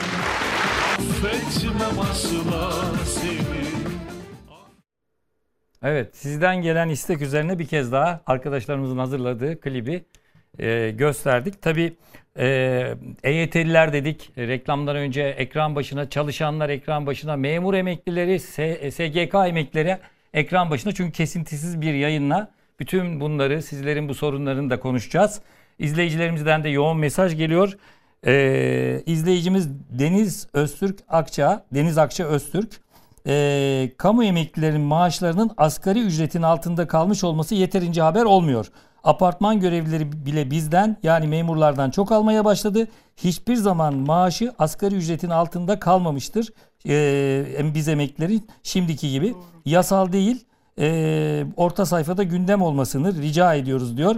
Eğer diyor Mart'ta seçim yatırımı olarak e, asgari ücrete zam gelirse biz emeklilerin, memur emeklilerin maaşı yerlerde sürünür diyor. Bir başka emekli kesimi de SGK'lı emekliler. Yine bir izleyicimiz e, sevgili Doğan Şentürk sen memur emeklileri zor durumda diyorsun ama asıl zor durumda olan maalesef SGK emeklileri. Ben 6100 lira emekli maaşı alıyorum ve 3500 lira kira ödüyorum. 1500 lira aidat elektrik ve doğalgaz bedeli ödüyorum. Umarım SSK emeklilerinin dertlerini bugün dile getirirsiniz. Tabii ki sizleri anlıyorum. E, bütün kesimlere ağırlık vermek istiyorsunuz diyor. Biz e, Fox Haber olarak da geçtiğimiz günlerde bir haber yapmıştık. Bir apartmanda emeklilerden emeklilerin oturduğu bir apartmanda bütün emekliler apartman görevlisinden daha az alıyorlardı. Bu da başka bir e, şey. Şimdi yolsuzluklar dedik en son. Yolsuzlukları konuştuk. Tabii yolsuzlukların üzerine gidilmesinde yargının rolü çok önemli. Fakat e, nasıl bir yargı? Daha doğrusu ne kadar adil bir yargıdan söz edebiliyoruz? Anayasa Mahkemesi'nde seçim vardı. İrfan Fidan İstanbul Başsavcısı Yüksek Mahkemeye jet hızıyla seçilmişti. Aynı jet hızıyla Anayasa Mahkemesi başkanı yapılmak istendi. Fakat mevcut başkan Zühtü Aslan oyunu bozdu. Ee, onun seçileceğini e, yeniden düşününce Zühtü Aslan yeniden aday olmayı düşünmüyordu ama aday olmayı çünkü görev süresi bitiyor sanıyorum. Bir yılı kalmıştı. Ee, sırf bu oyunu bozmak adına e, Zühtü Aslan yeniden e, aday oldu ve oyunu bozdu. Nasıl bozdu bir bakalım üstüne konuşalım. Hülle yoluyla önce Yargıtay'a bir dosya okumadan bir imza atmadan AYM'ye gönderilen Fidan saray tarafından Anayasa Mahkemesi'nin başına kayyum atanmak istedi. Bunu görünce Zühtü Aslan ve rahatsızlık yaratınca bu Anayasa Mahkemesi'nde bir yıllığına da olsa aday olmayı tercih etmiş ve seçimi aldı. Bu Anayasa Mahkemesi kime hizmet etmektedir? Anayasa Mahkemesi derhal kendisini feshetsin. Anayasa Mahkemesi Başkanlığına yeniden seçilen Zühtü Arslan'ı tebrik ederim. Kendisini arayıp görevinde başarılar diledim. Zühtü Arslan'ı tebrik ediyor. Kendisine başarılar diliyorum. Hiç kimse merak etmesin. Bugün devleti yönetenlerin yıkmaya çalıştığı adalet duvarını hep birlikte güçlendireceğiz. AYM kapatılsın tehditlerine kulak asmadan yeni dönemde de adaletin tesisi için gayret göstereceklerine canı gönülden inanıyorum. İki dönem yaptığı Anayasa Mahkemesi Başkanlığında hayli yorulan Zühtü Arslan'ın 4 yıllık görev süresi 13 Şubat'ta doluyor. Adalet dağıtırken adil olmak kadar adil görünmenin de önemli olduğunu unutmayalım. MHP'li Fethi Yıldız, siyasetin çeyarı adam. Türkiye'deki dozerci MHP, Anayasa Mahkemesi'nin başkan seçimine müdahaleye kalkıştı. Açıkça Anayasa Mahkemesi'nin seçiminden önce tweetle müdahale ne demek ya? Saraydan gelen telefonları bir olacak iş değil. Nevşin Anayasa Mahkemesi'ne üçüncü kez seçilen Zühtü Aslı'nın aday olmayacağı söyleniyordu kulislerde.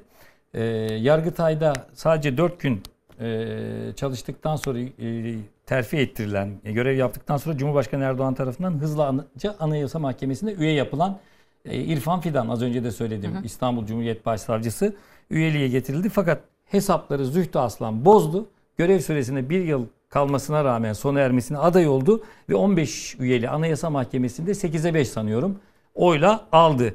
İktidar bir operasyon mu yapmak istedi? Öyle Anayasa deniyor. Mahkemesi'nde. Öyle deniyor. Öyle yorumlanıyor ama şunu da hatırlamak lazım. Şimdi bu üyelerin e, bir kısmı tabii Abdullah Gül zamanında e, seçilmiş olan üyeler Anayasa Mahkemesi'ne. 5 tanesi galiba. 10 tanesi kadarı da 2014'ten sonra yani Cumhurbaşkanı Erdoğan Er- Erdoğan döneminde e, seçilenler. Hatta son 5 üye daha yeni seçildi. Pek çoğunun hani ilk seçimi olacak Anayasa Mahkemesi'nde. Ee, bir Cumhurbaşkanı Erdoğan döneminde seçilmişler ağırlığı var. Ama her zaman da Cumhurbaşkanı Erdoğan seç- döneminde seçilmiş üyelerin yek vücut oy kullandığını görmüyoruz. Yani en son mesela HDP'ye verilen hazine yardımının kesilmesi meselesinde ucu ucuna alındı o karar. Değil mi? 7 üye kesilsin, kesilmesin diye oy verdi. 8 Sekize üye yedi. 8'e 7 yani ucu ucuna o karar alındı. Dolayısıyla böyle enteresan bir tablo var. Tabii çeşitli e, yorumlar var. Yani e, farklı gruplaşmaların olduğuna dair belki açarız ilerleyen dakikalarda. Şimdi iki turda seçilebildi Zühtü Aslan. İlk Hı hı. turda Zühtü Aslan 6 oy alıyor. İrfan Fidan 5 oy alıyor.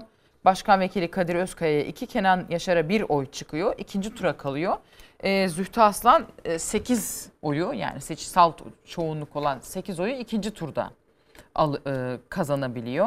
Ve ikinci turda başkan tabi burada İrfan Fidan bekleniyordu. Yazıldı, çizildi. Çünkü İstanbul Cumhuriyet Başsavcılığındayken önemli davalara bakıyor kendisi. Gezi davası gibi, MİT tırları davası gibi bu davaların dosyalarını hazırlamış olan bir isim. Çok 15 Temmuz. Evet iktidar 15 tarafından Temmuz. önem atfedilmiş olan dosyalar bunlar. E, Yargıtay'a atandı. Yargıtay'da çok kısa bir süre hiçbir dosyaya bakmadıktan sonra Anayasa Mahkemesi'ne atandı. Şimdi beklenen İrfan Fidan'ın bu önemli, yani önümüzde önemli bir seçim var. E, HDP'nin kapatma davası var.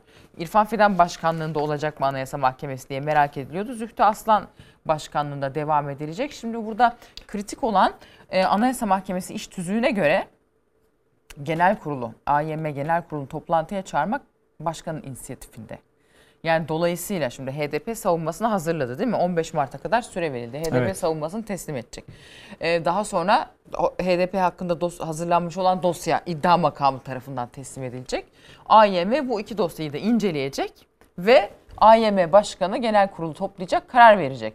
Şimdi baktığı zaman 15 Mart. E, öbür dosyada bunların incelenmesi yani şöyle bir şey ortaya çıkabilir mi acaba? Zühtü Aslan belki de seçimden önce bu HDP kararını vermek üzere genel kurulunu AYM'yi Ki, toplamaz mı acaba e, diye bir soru var önümüzde değil mi? Para- paranın kesilmesi konusunda muhalif oy Evet. kullandı. Şimdi dolayısıyla bence takip etmemiz gereken şey HDP davasına ne olacağı. Çünkü işte ilk turda da konuştuk ya HDP seçmeninin kime oy vereceği, sandığa gidip gitmeyeceği bu seçimin sonucunu ciddi anlamda belirleyebilir. Ne, Nevşin, Deniz'e de döneceğim şimdi. Tabii. Diğer arkadaşlara da döneceğim. Benim kalemim de devamlı. bugün- bugün o Ee, kapak kapak sen evet. Kapakla şey- benim başım belada. Şey söyleyeceğim. e, şimdi İrfan Fidan tabii az önce de söyledin iktidarın sevdiği bir yargı mensubu. Ee, ve bunu da istiyorlar. İşte MHP'li e, Fethi Yıldız Arslan bir tweet attı. Hayli yoruldu dedi Zühtü Arslan için. Fakat Zühtü Arslan oyunu bozdu. Yeniden seçildi. Seçilir seçilmez de e, hem Meral Akşener hem Kemal Kılıçdaroğlu tebrik e, tweetleri attılar. Onlara tebrik etmekle iyi mi yaptı, kötü mü yaptı? Tebrik hani tweetleri- ölüm öpücüğü denir Ben- ya. ben de aynı Tebrik tweetleri attılar. Yani- Belli ki belli ki ne olup bittiğini e, iki lider de görüyor. Akşener Ya onlar da şey yapmak istiyor tabii ki. Şimdi onlar da şöyle bir iddiası var ya muhalefetin. Ah muhale işte bürokrasi bak kokuyu aldı şey değiştiriyor. Yön değiştiriyor, taraf değiştiriyor. İşte Anayasa Mahkemesi de anladı iktidarın değişeceğini. O, o ağırlıklarını koymak istiyorlar. Ben tebriklerini öyle görüyorum. Fakat bence şimdi tebrik etmiş olmaları bu sefer şimdi Zühtü Aslan'ın başka bir psikolojik bir yük, yük yükleyecek. Hadi şimdi muhalefetten taraf görünmeyelim diye. Yani ben Zühtü Aslan'ın yerinde olsam öyle hissederim şu siyasi iklimde açıkçası. Onun için ölüm öpücüğü olabilir yani şimdi Yani muhabbet Fethi Yıldız değil mi? MHP'li Fethi Yıldız HDP'nin kapatılması için dosyayı hazırlayıp Öyle. Yargıtay Cumhuriyet Başsavcılığına başvuran kişi. Evet, yani evet. açıkça da şeyin e, MHP lideri Devlet Bahçeli'nin sözlerini hatırlayalım. Yani HDP'yi kapatmıyorsa Anayasa Mahkemesi'ni kapatalım Tabii diye sonra bunu. onu bir çevirdi, Grup geri aldı. Evet. Yani burada hani siyasetin yargıyla bu kadar hasım gözüktüğü, özellikle iktidarın yargıyla bu kadar hasım gözüktüğü bir dönem olmadı ya. Yani çok şeyler yaşandı ama bu kadar olmadı ya. Yani gerçekten şey e, hani her alan benim olsun şeyinde iktidar. Yani yargının da bütün alanları benim olsun. işte ne bileyim e, bürokrasinin zaten onun yani yürütme gücü. E, meclisin her şeyi benim olsun. Tabii aksıyor yani Evet. mecliste. Ya- Evet. Geleceğiz herhalde o kısım. Çiğdem, e, niye bu kadar istediler? Söz geçirememe Züht- durumu var. Evet. Zühtü Arslan'ın değişmesini niye bu kadar iktidar istedi? Ne hesap yapıyor? Kritik oylamalar geliyor az önce işte Nevşin'in söylediği pek çok oylama geliyor bundan mı? Valla İrfan Fidan zaten e, hakimlik yapmamış bir isim. Sa- e, Savcı. Evet meslek, İstanbul Cumhuriyet meslek yaşamı e, ağırlıklı olarak savcılıkla geçmiş ve zaten e, Yargıtay'a atanması yani yüksek mahkemeye atanması da çok tartışılmıştı. Onu hatırlayalım. Çok kısa bir süre yani paraşütle atanmıştı ve hatta orada Yargıtay da e, Anayasa Mahkemesi'ne e, İrfan Fidan'ı gönderdiği için ayrıca çok eleştirilmişti. Yani onları da hatırlayalım. E, burada e, Anayasa Mahkemesi'nin e, yapılan seçimde her şeye rağmen e, kıdemi olmayan e, bir üyenin başkanlığa getirilmesine yani işin içinde bir takım e, tarikat ve cemaatlerin adı da zikrediliyor. Bu sahada deneyimli gazeteci arkadaşımız, meslektaşımız Ali Can Uludağ'ın ayrıntılı bir Çok analizi başarılı. yer aldı. Özellikle Sinan Ateş meselesinde de çok Evet, başarılı evet, işlere imza atıyor. Evet, Tebrik evet. edelim Alican Uludağ'a da buradan Tebrik selam edelim. gönderelim. Bu yargı e, dosyalarında hakimiyetiyle bil- bilinen bir arkadaşımız. E, onun analizi önemliydi gerçekten. Yani hem bir takım tarikat ve cemaatlerin adı geçiyor ama bununla birlikte bu yapıya rağmen, siyasallaşmış bu yargı yapısına rağmen Anayasa Mahkemesi üyelerinin kıdemsiz bir üye, üyenin başkan olmasını istemedikleri için e, bu yönde, Zühtü Arslan yönünde oy kullandı. Bu da e, tabii bir direnç ve esasa ne kadar e, etki eder mevcut ortam içinde onu da izleyeceğiz. Yani HDP'nin kapatılma süreciyle bağlantılı mıdır bilmiyorum. yani ben de doğrudan ben de doğrudan bağlantılı Olduğunu olduğunu ben de sanmıyorsun. düşünmüyorum. Deniz'e de soralım. Evet. Şimdi Deniz e, bir bandımız da var aslında konu da var onu ona bağlayalım çünkü bu birbiriyle çok ilintili. Anayasa Mahkemesi'ndeki dengeler Cumhurbaşkanı Erdoğan'ın 3. adaylığı konusunda tartışmaları da hani e, ayrı bir önem taşıyor o dengelerin. Çünkü Erdoğan tartışmalarda e, ön- önemli bir şey söyledi. Kronometre hesabı yaptı. İsterseniz bir bandı izleyelim kronometre hesabı. Bununla ilintili sana soru soracağım. 2017 yılında kabul edilen anayasa değişikliği en küçük bir tereddüde, en küçük bir tartışmaya mahal vermeyecek kadar açıktır. Türkiye 2018 seçimleriyle birlikte yeni bir yönetim sistemine geçti. Yani kronometreyi sıfırladı. Bugün anayasamızın neresinde başkan diye bir ibare var? Yeni bir sistem demiyor. Cumhurbaşkanlığı hükümet sistemi demiyor anayasamız. Şimdi Zühtü Aslan'ı tanıyor iktidar. ama Hakan Fidan e, e, İrfan. İrfan. Fidan'ı daha çok Hakan Fidan dedim. Fidan. Fidan Fidan Fidan, Fidan'dı. gidiyorlar. İrfan Fidan'ı daha çok tanıyor. Hakan Yani- Fidan anmasın onu mümkünse. Ansın canım belki iyi anlayacaktır Allah aşkına sizde ya. Ee, şimdi İrfan Fidan'ı daha çok tanıyor. İşte az önce söyledi arkadaşlarımız pek çok davada 15 Temmuz MİT tırları vesaire. Yani iktidarın sevdiği bir arkadaş yargı mensubu. Dolayısıyla burada HDP meselesi bir kritik oylamadır Anayasa Mahkemesi'nin önünde. Fakat şimdi az önce izledik bir e, bir sıfırlanma, kronometrede bir sıfırlanma meselesi. Ya burada acaba iktidar şundan çekiniyor olabilir mi? Hep tartışıyoruz. Ana, e, onunla birlikte de değerlendirmeni e, istiyorum. E, Yüksek Seçim Kurulu'ndan çok Anayasa Mahkemesi bu konuda yetkili olursa ve müdahale ederse ya biz bu işi e, Zühtü Aslan'la çözemeyiz korkusu mu var iktidarda? Ya ben Cumhurbaşkanı Erdoğan'ın böyle bir korkusu mu var? Ben spesifik bir konu Adaylık konusunda. spesifik bir konular olduğunu düşünmüyorum ama önlerine çıkacak e, bütün engellerin e, aşılacağı en son nokta e, Anayasa Mahkemesi'dir. Yani bir atıyorum e, diyelim ki Tayyip Erdoğan yeniden seçildi ve parlamento e, muhalefetin eline geçti. Parlamento çoğunluğu. Tayyip Erdoğan kararname çıkardı. Parlamento dedi ki hayır bu benim yetkimdir senin değil. Nerede bakın anayasaya bu uzlaşmazlık nerede giderilecek? Anayasa Mahkemesi'nde. Yani bunun gibi o kadar çok konu var ki. E, Dolayısıyla Anayasa Mahkemesi'ni elinde tutmak Cumhurbaşkanı'nın e, yargı denetimi açısından çok büyük avantajınadır. Onun için İrfan Fidan, ya bunlar ben bu tip e, yargı mensuplarına komando savcı ya da komando hakim diyorum. Yani o demin bir siz, siz mi kullandığınız şey paraşütle ben kullandım. sen mi kullandın? Gerçi Yani paraşütle değil daha çok mancınıkla İrfan hava hava mancınıkla indirim, atıldı anayasa mahkemesi. hava indirme şey. Ya bir Evet. şey söyleyeceğim. Bakın bunu bütün e, içtenliğimle söylüyorum. Şimdi biz- burada bir program yapıyoruz değil mi? Diyelim ki ben programa bir ay önce başladım. Siz iki senedir yapıyorsunuz. Birinci programa katıldım. ikinci program öncesinde hemen Doğan'ın yerine ben oturacağım. Ya insan ben utanırım valla.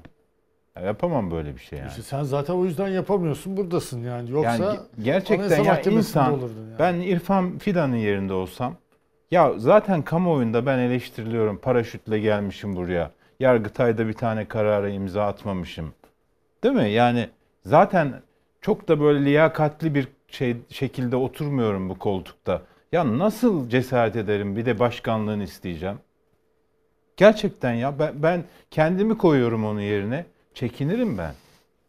Ya bütün millet yani bu ülkede en azından iktidar yanlısı olmayan herkes aynı şeyi düşünüyor. İstemek değil de tensipleriyle göreve şey ediliyor ya. İşte o, tam oraya bağlayacaktım. Seni ta- takdir ediyorum. Nevşin sağ olasın. Yok çok zeki bir kız ya. Leb demeden Evet evet geçen ya. hafta bana bayağı bir böyle Ama şey, iyi Yok yaptı. hiç Sen öyle bir hak niyetim etmiş. yok hayatımda zaman. yediğim en büyük Yok, tokattı şa- yani. Hayır o şey Bence değil, de. takılma diyelim. Olur Tamam mu? işte Aşk to- olsun. takı güzeldi yani. Gol gol oldu ve çıkaramadım yani. Yok estağfurullah. Şey, Nevşin Ee, unutamamış. nasıl unutayım? Bence bence e, önümüzdeki haftanın klibini unutamadım diye giriyor. Bütün hafta boyunca veganlardan dayak yedim haberin var mı? Ee, ama bazı konuları da kaz yemediği için anlamıyor. Hiç kaz. Oo. Zorlanıyor Olmadı anlamakta. yani. Evet. Ee, O olmadı kınıyorum. Yani. niye? Yok olsun espri bir şey olmaz. Espri yaptın Espri, canım. Sıkıntı yok. Ee, neyse netice itibariyle söylemek istediğim şey odur ki mesela bu bahsettiğin konu Cumhurbaşkanı'nın bir daha aday olup olmayacağı meselesi. Ee, işte programa gelmeden önce okuduk. Sayın Bahçeli 2007'deki o anayasa değişikliğinden sonra e, referandumdan sonra bir cumhurbaşkanı seçildiği takdirde 11. Cumhurbaşkanı meselesi e, hukuki olarak şey olmasa da bir meşru, meşruiyet sorunu yaratacağını söylemiş mesela. Yani ba- basın açıklaması duruyor arşivlerde. Yani diyor ki evet bunda şey olabilir, referandumda halkımız kabul edebilir ama 11. Cumhurbaşkanı'nın yeniden adaylığı meselesi tartışma nedeni olabilir vesaire gibi bir tespit yapıyor mesela. 2007 Bu- yılında Ha. 367 krizinin meselesinden Den sonra, Sonra işte bir anayasa değişikliği Aynen yapıldı. 11 11. cümlesini kaldıralım diyor. Evet. Onu istersen tam anlaşılmadı. Deniz biraz açalım. Yani Devlet Bahçeli diyor ki Bu 11. madde daha doğrusu MHP 11 grubu o 11. dönemde Cumhurbaşkanı. 11. Cumhurbaşkanı'nın o 11. kelimesini kaldıralım. Orada bir meşruiyet sorunu yaratır. Tekrar seçilmesi vesaire. Ondan sonra bence en önemli cümlesi o 2007'de Bu işleri Devlet Bahçeli'nin söylediği. TBMM'de, hal yoluna sokmak Evet. lazım diyor. Diyor ki YSK'nın bunu hal yoluna sokması tartışma yaratır. Yani Evet. bir anlamda Devlet Bahçeli o tarihte Anayasa Mahkemesi'ni işaret ediyor. O E, yüzden. Neden TBMM diyor? Çünkü TBMM bir şekilde meseleyi Anayasa Mahkemesi'ne taşıyabiliyor.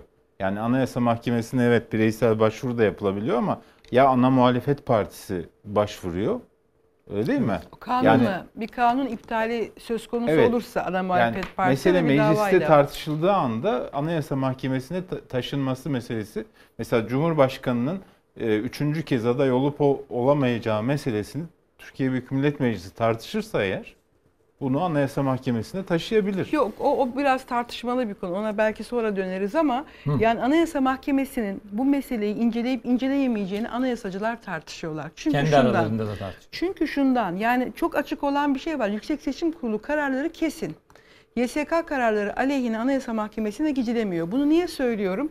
Yani bir kişinin ikiden fazla mevcut anayasaya göre, 101'e göre aday olup olamayacağı meselesini konuşuyoruz ya biz.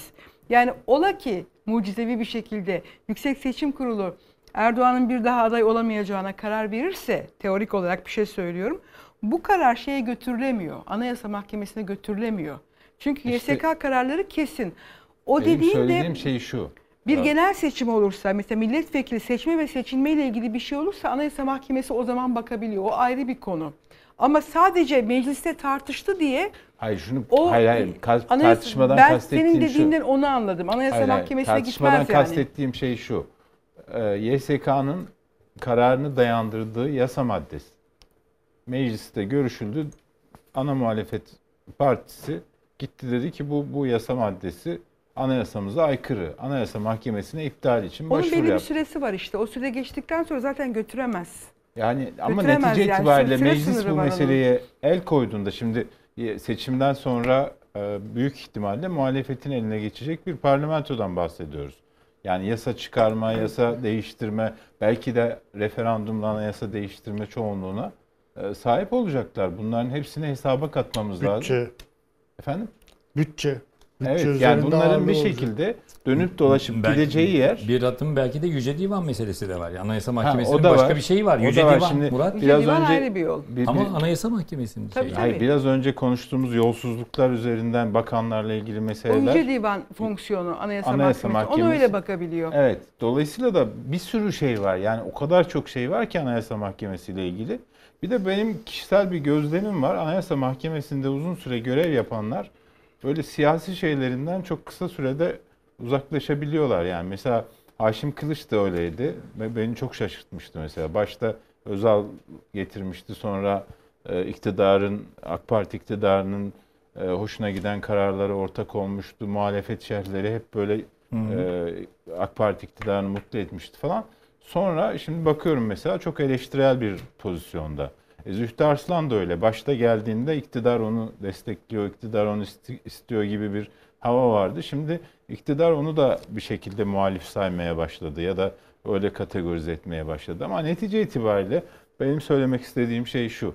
Yani İrfan Fidan ne düşünür, nasıl e, üstüne alınır bilmiyorum ama ya biraz da had meselesi bu ya. Yani ya Yargıtay'a gelmişsin orada bir tane bile karar imzalamamışsın.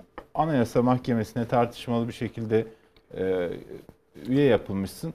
Ya bari başkanlığa Yetmiyor Deniz, ya ama yetmiyor işte, işte, onu diyorum. Yani baş- Yetmiyor türlü. başkanlığa niye şey her şeyi her şeyi he- hemen ele geçirelim. Yani yetmiyor bir türlü. Şurada da durayım biraz dinleneyim sen hani etik açıdan yaklaşıyorsun. Öyle bir şey yok.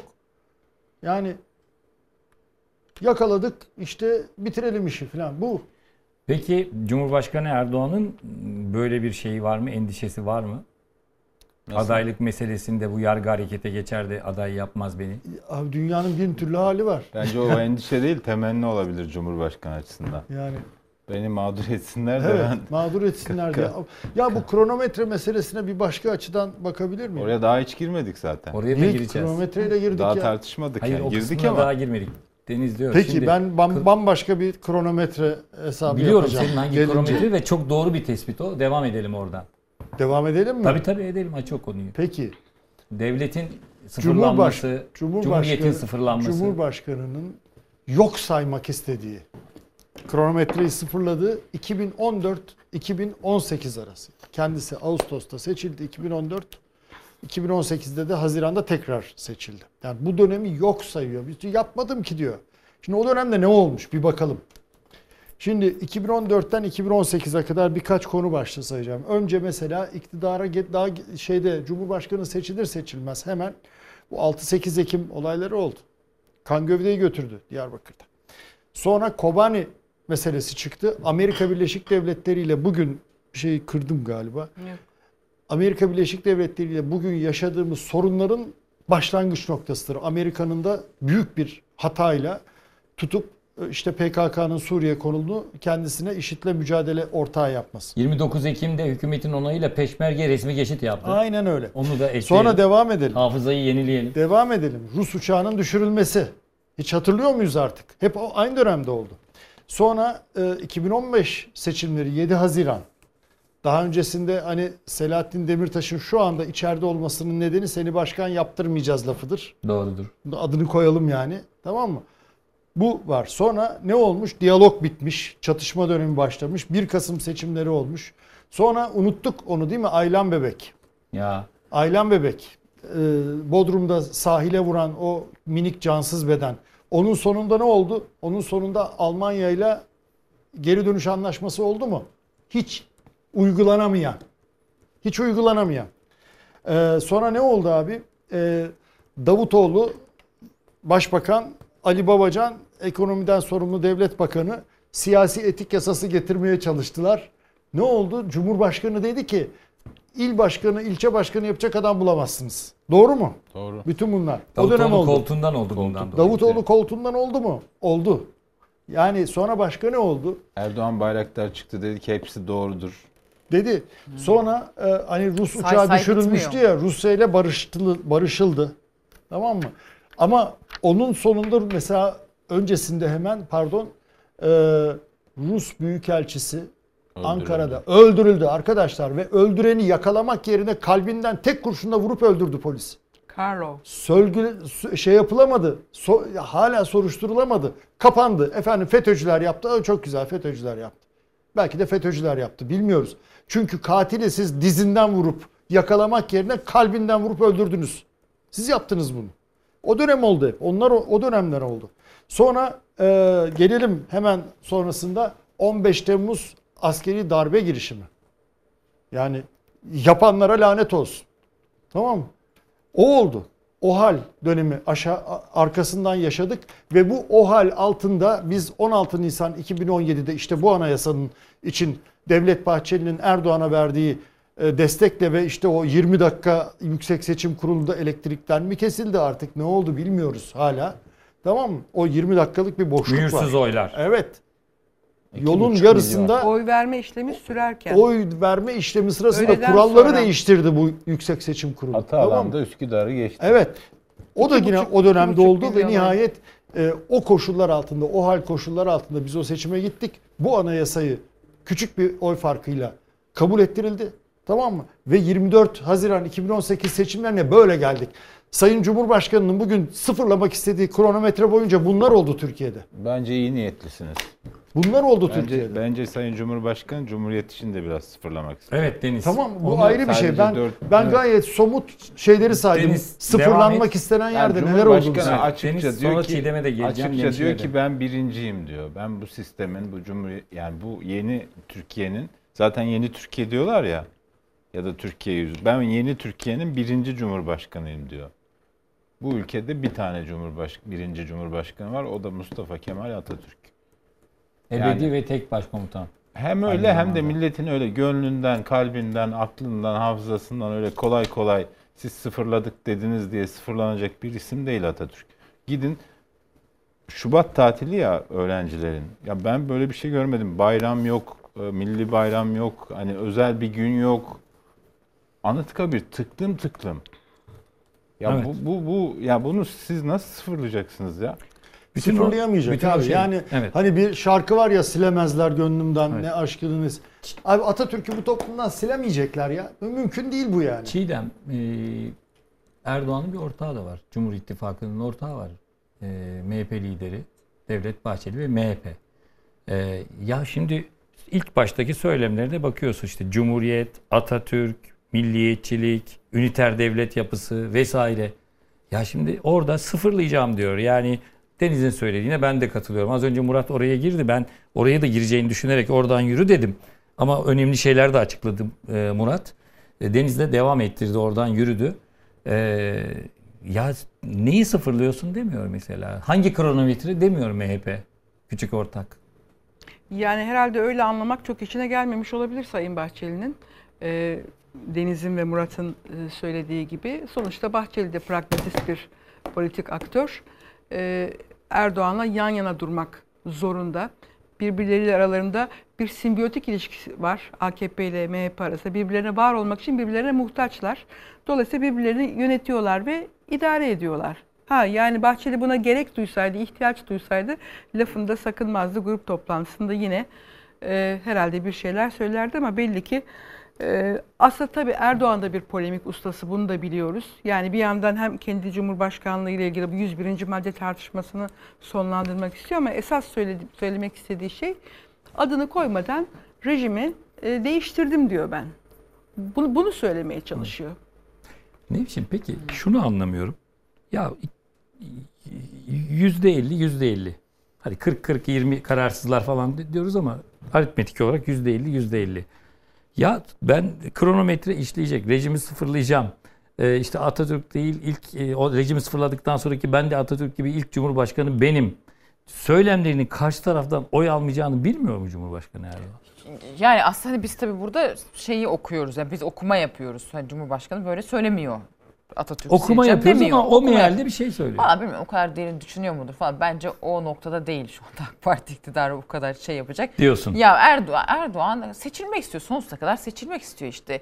Yeri gelecek kronometre diyecek, yeri gelecek bilmem ne diyecek. Ne gerekiyorsa onu diyecek bence. Tamam Ya da Putin bazı gibi işte şeyler seçilmesine şey bulacak işte. köstek Şimdi- olacak, şimdi destek olmayacak diyor ki şeyler. AK Partiler az önce Sayın Şentop da Bekir Bozdağ da demiş galiba. E, efendim diyor yani 2028'de Sayın Cumhurbaşkanı tekrar aday olacağız ama o zaman diyor parlamentonun karar alması gerekecek falan. Yani bir şey kalıbına uydurmaya çalışıyorlar. Bir şey bulacaklar. Onu bulsa bunu bulacak. Bu- Ha, bu doğru mu meşru mu? Değil. Ama işte hep böyle bir yarı legal, yarı böyle sistemde de küçük böyle aralardan bir açığı bulup heh, oradan onu bilmem ne yaparsa hep bunun üzerine ya AK Parti iktidarında bütün strateji bunun üzerine. İşte satır aralarındaki bilmem neyi bulup oradan bir şey yapma falan. Ya Erdoğan sonsuza kadar seçilmek istiyor. Ya bakın şu anda Beştepe yapılırken hatırlayın Cumhurbaşkanı başbakandı o zaman. Orası başbakanlık konutu olarak yapıldı. Sonra hiçbir şey denmedi. Şeyde tabelası da vardı. Başbakanlık hizmet binası. Evet. Son başbakan Ahmet Davutoğlu sonra Binali Yıldırım oldu. Hiçbiri orada oturmadı. Erdoğan orada oturdu. Çünkü Erdoğan Cumhurbaşkanı oldu. Orası da otomatikman yani Sayın Cumhurbaşkanı kendisine saray yaptırdı. Orada da oturuyor işte. Sarayda da oturmak Ya bir- istiyor. Bir, şey ekleyeyim mi? Bence Şeyde, bu yani. Hani mutabakatta diyor ya en çok alkış alan Çankaya'ya dönüş oldu. Evet. Bu e, Sayın Erdoğan'a çok dokunmuş. Çünkü grup konuşmasını ben izledim. Döndü dolaştı. Üç kere bu konuya geldi. Nereden alıyorsun Tabii, o tabii, tabii. milletin... Hatta o ertesi günü de şeyde Çankaya Ha. Köşkü'nde Oo. TRT'ye Tabii, röportaj tabii. verdi Hatta falan. o yüzden Size bu akşam dedi Çankaya'da yapacağım toplan. Çok dokun, en çok dokunan o olmuş yani. Denizden bir kulis geliyor. Şimdi e, Reşit Galip'te bir bina var.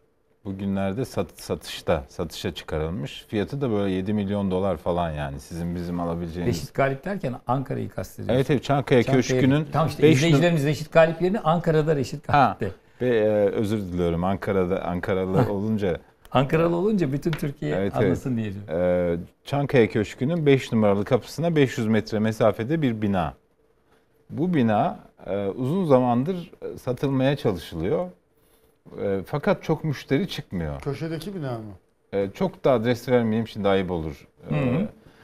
bir, bir iş adamı görüşüyor. İşte bir pazarlık ediyorlar. Şu kadar olsun, bu kadar olsun falan.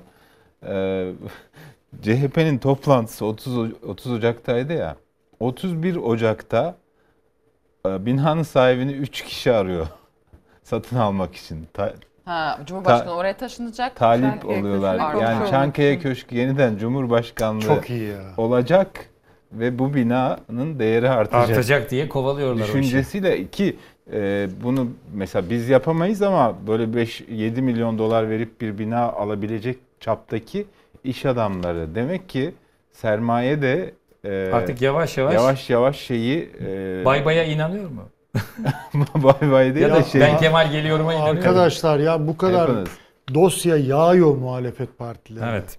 Niye? Şimdi Çünkü kendilerini şahit abi ben o kadar da onlardan değilim falan şahit Yani görmek Çankaya Mahallesi'ndeki değer kaybı durup birdenbire artmaya başlamış.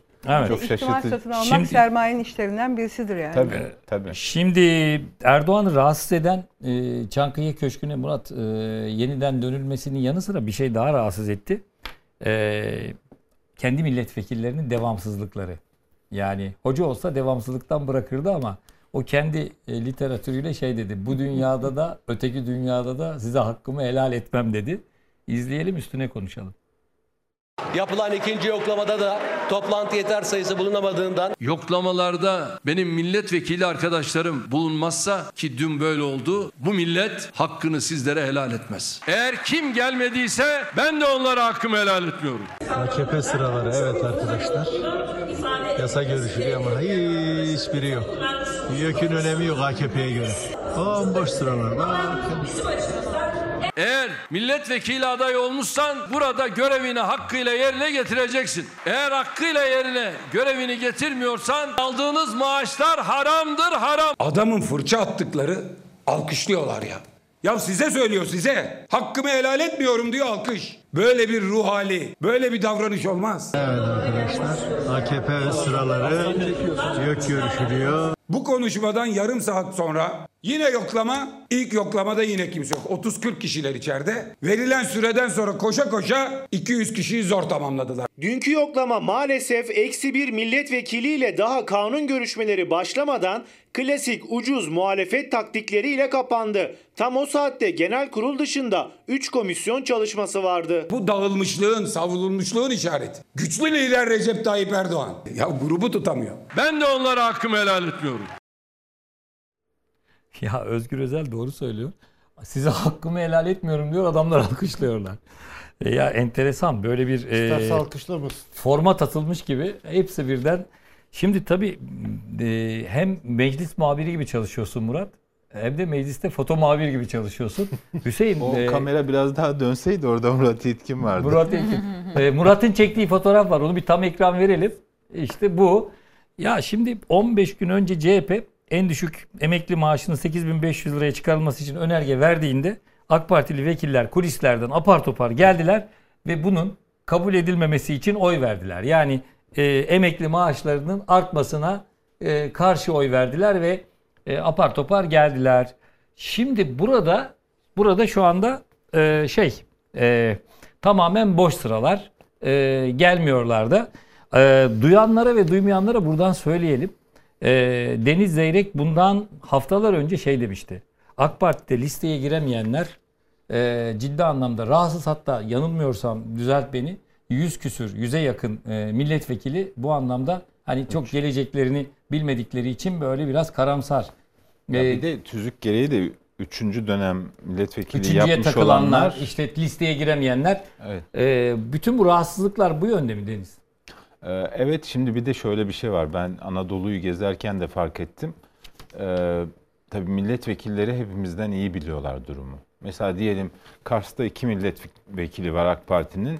Bir dahaki seçimde iki milletvekili çıkmayacağını Görüyorlar görüyorlar. yerinde, Dolayısıyla hani en azından bir tane çıkarabilirsek birinci sırayı kapma yarışı var. Anlatabiliyor Hı hı. muyum? Hani e, ya da orada e, hani başka X şehrinde il başkanı istifa etmiş artık sıra bana geldi. E, sayın milletvekilim bir, bir, bir dönem dinlensin. Ben il başkanı olarak ben aday oluyorum gibi şeyler var. Milletvekilleri de buradan kaçının aday olabileceğini, kaçının aday olsa bile milletvekili ol- olamayacağını bildikleri için e, ya iktidar da değişirse hani bu dönemle ilgili demin söylüyordun ya devri sabık yaratılır mı falan.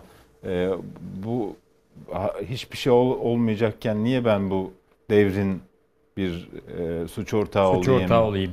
gibi bir takım endişelere kapılmış vaziyetlerde vaziyetteler. Bürokraside de görüyorum bunu. Ya ben yani şunları duymaya başladım bürokraside.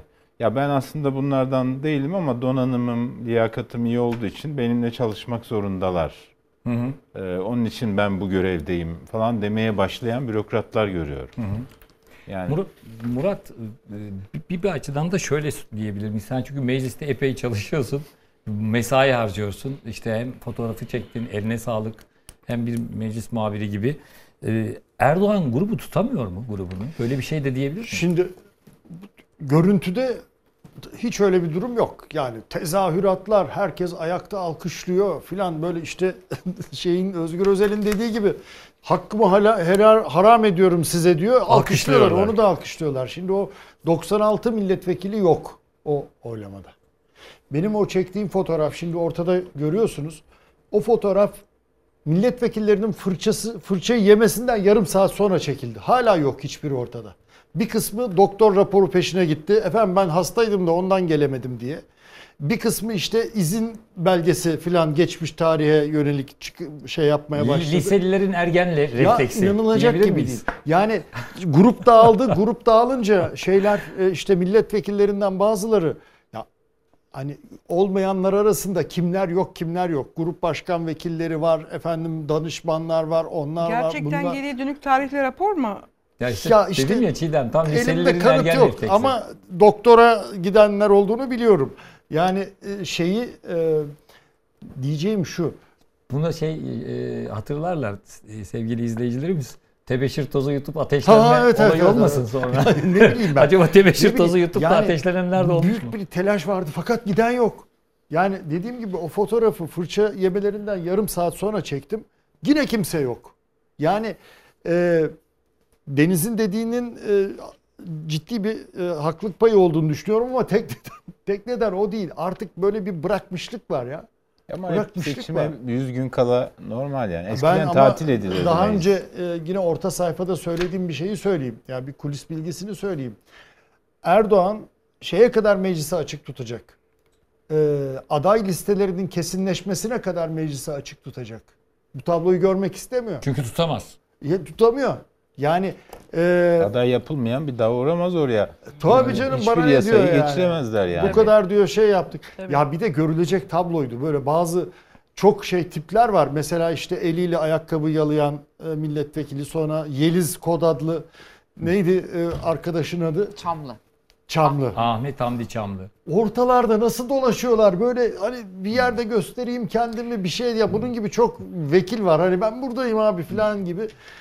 Ya gerçekten görülecek tabloydu yani şey. Çok Ve bir de etkilenmişsiniz. tabii bunu der demez şey Erdoğan hani maalesef üzülerek söylüyorum gelmeyenler ya yukarıdan ben basın locasından bakıyorum ya bazı suratlar bir karış uzadı arkadaş şöyle bir asıldılar ki eyvah ayvayı yedik filan diye affedersiniz. Yani böyle- bir e, gerçekten görülecek bir tabloydu Bak- yani. Bakalım e, Salı günü genel kurula EYT, emeklilikte yaşa takılanlar, daha doğrusu EYP, e, emeklilikte prime takılanların konusu görecek. Plan bütçeden çıktı Çiğdem. Evet. E, genel kurula Salı günü geliyor. Bir e, sürpriz olur mu onu da soracağım sana. Fakat bir hayal kırıklığı. Çünkü daha önce 5000 prim gününü dolduranların emekli olacaklarını açıklanmıştı. E, e, tasarıda şimdi ise 5975 prim gün sayısı şartı getirildi. Yani emeklilikte yaşa takılanlar şimdi prime takılmış durumdalar. E, bir izleyelim sonra seninle devam edelim. Getirilen kanunda yaş şartı kalktı, prim şartı kalkmadı. 5000 gün prim şartını değiştirmiyoruz diye Sayın Vedat Bilgin söyledi. Prim güne takılanlar mı gibi bir laf söylendi. Doğru değil. Öyle bir şey yok. Prime takılanlar olmayacak. 5000 ve 5400. Onu değiştirmiyoruz. Bu kötü senaryolar kafanızdan silin. Öyle bir şey yok. Bakıyoruz teklifte yaş şartı kalktı, kademeli prim şartı devam ediyor. İktidarın arkasında mağdur bırakmadan bu işi de çözme yetisi yok. Bu gerçeği saptırmaktır. Bizim bu teklifimizle kademeli bir prim getirildiği şeklindeki söylem yalandır, iftiradır. EYT'liler şimdi EPT'liler oluyorlar. Bir gün farkla işe girenler ek olarak 17 yıl daha fazla çalışacak. 31 Aralık 99 olması gerekmektedir.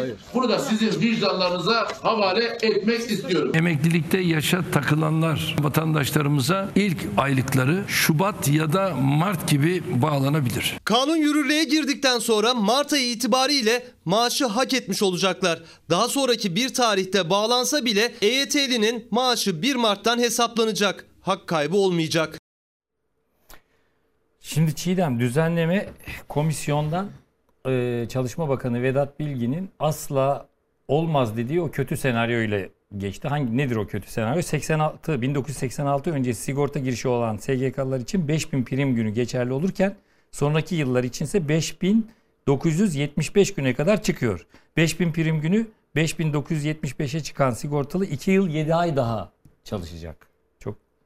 Yaş sınırını kaldırdık e, şeyinde ısrarlı vallahi şey. Evet. e, Bu arada sunan- buna güvenip borçlananlar, evini satanlar, arabasını satanlar, primlerini ödeyenler bu gidişle e, EYT'liler e, şey e, e, bayağı bir zorluk içine girdiler. Zararlı çıkacak bu işten. Salı günü Bir şey ya- beklerken bir bayağı zararlı çıkacaklar. Yani şöyle tabii bir bir şeyi düzeltirken başka bir haksızlık e, üreteceği başından beri konuşuluyordu. Sonuçta bir tarihi esas alıyorlar. Yaş sınırını kaldırıyorlar. Salı günü genel kurulda görüşülmesi bekleniyor. Ne bekliyorsun? Ee, yani kendileri emeklilikte prime takılanlar olarak tarif edenler yine sosyal medyada bir kampanya başlattılar. Ee, bilmiyorum bir önerge değişikliğiyle yeni bir düzenleme madde eklenir mi salı günü? Ee, çünkü çok hızlı e, tutmayı planlıyorlar. Plan Bütçe Komisyonu'ndaki aktarımlar öyleydi. İktidar temsilcilerin, su- sunanların şeyleri. Salı günü görüşür hatta aynı gün bile bitirebiliriz gibi bir iddiaları var e, genel kurulda. E, ondan sonra da Cumhurbaşkanı'nın e, onayıyla birlikte ş- hedefi şöyle koymuşlar. Mart ayından itibaren almaya başlayabilir. Hatta Sayın Akbaşoğlu galiba Adalet ve Kalkınma Partisi'nden bu sunuşu yapan Plan Bütçe Komisyonu'nda şöyle bir şeyde bulundu. E, tabii dedi yaşı ileri olan hak sahiplerinin durumunu anlamakla birlikte başvurularını dijital yollarla yapmaları hem işlemlerin çabuk olmasını e, sağlayacak. Hatta muhalefet partisinden de böyle bir ricada bulunmuş şeyde e, komisyonda. Şimdi Erdoğan diyor ki e, Şubat Mart demiş yani e, maaşa bağlanmasını. SGK Başkan Vekili ise bugün attığı tweette Mart'ta başvuruların ancak işleme alınacağını söylüyor. Yani diyor ki Mart'ta da olmayabilir. 1 Mart'tan itibaren hesaplamaya başlayacağız Evet. diyor. Evet. Şimdi Nevşin sen sosyal medyayı da yakından takip ediyorsun. Sosyal medyada EYT'liler bayağı bir örgütleniyorlar. kızdılar, çok Kalabalıklar halinde. Bugün de işte EYT'lilerin tanıtımını yaptığımızda bayağı bir mesaj geldi. Şimdi orada en çok üzerinde durulan şeylerden bir tanesi bir günle e, kaybedenler 17 yıl daha fazla çalışacak. Yani ne demek? Düzenleme tarihi 8 Eylül 1999, 9 Eylül'de işe başlayan bir çalışan 17 yıl daha fazla çalışacak. Şimdi bir de şey de var yani ilk bu 5000 gün di- diye olacağı tahmin ediliyordu. Millette 5000 gün olacak diye. Aradaki işte askerlik, hamilelik izni falan da kapatmak için arabasını satan oldu, kredi alan oldu Ay, o, falan. evet. Ama 5900 prim gün çıktı. Evet. E şimdi Devlet insanlar söz, söz verdi şu an tepkili. bir mağduriyet var. Yani aslında tabii şöyle de bir şey var. Tam da ne olacağı da belli de değildi açıkçası. Ee, yani Erdoğan resmi bir açıklama ama. yap- Evet evet ama yani hani tam belli değil. Şimdi 5900 prim gün denince EYT'liler diyorlar ki yani böyle biz bizim talebimiz bu değil. Biz bunu istememiştik. Şimdi peyderpey olacak. Yani 5900 prim günü doldurdukça olacak. Dolayısıyla bu şekilde e, yasalaşırsa hani 4 milyon kişiyi ilgilendireceği söyleniyordu. Yapılan hesaplar öyleydi fakat bu şekilde yasalaşırsa ilk aşamada yalnızca 800 bin kişi falan e, emekli olabilecek. Yani emekli maaşı alabilecek. Dolayısıyla bunun bir hayal kırıklığı yarattığını görüyoruz. İşte onun için diyorlar zaten. Emeklilikte yaşa takılanlar da emeklilikte prime takılanlar oldu diye. E, böyle bir itirazı var EYT'lilerin. Bir de şu çok yazılıyor çiziliyor sosyal medyada. Bu tasarı bu şekilde yasalaşırsa bu o kadar büyük hayal kırıklığı yarattı ki EYT'lilerden hiçbir tanesi hükümete oy vermez. Bir tane bile oy çıkmaz. Zaten çok örgütlüler malumunuz. Bir tanesi bile oy vermez. Çünkü hiç yapılan hesap böyle değildi. Talepleri de bu şekilde değil. E, biz böyle ne anladık bu işten diyorlar. Yani bunu hükümet bilmiyorum ama tabii belki de değişir şeyde mecliste. Sen yani böyle bir şey göreceğiz. bekliyor musun? Valla yani bakarlar herhalde anketlere, tepkilere. Çünkü zaten bunu oy hesabıyla yapmadı mı iktidar? Evet. Ya böyle bir talep var. Örgütlü Muhalefet bir kitle. bastırmasaydı, sahiplenmeseydi. EYT'lilerin mücadelesini mümkün değil. Onlar da örgütlü bir kitle. E tamam bunu bir şey oy hesabıyla yaptılar. Yani şu anda attığı her adımı zaten iktidar oy hesabıyla atıyor. E, görüyoruz bunu açarız da ilerleyen dakikalarda. E şimdi bu e- EYT'lileri tatmin etmemiş görünüyor. Değil mi? Belki bilmiyorum. Evet, Genel evet. kurulda değişir başka şeyler Bakın olur. bu prim meselesi başka alanlara da zincirleme gidiyor. Örneğin mesela Bağkur primleri. Şimdi diyorlar ki bizim primlerimiz de SSK primleriyle SGK primleriyle Doğru. eşitleyin. Bizim biz niye şey yapalım yani bizim e, Bağkurların 9000 e, e, gün.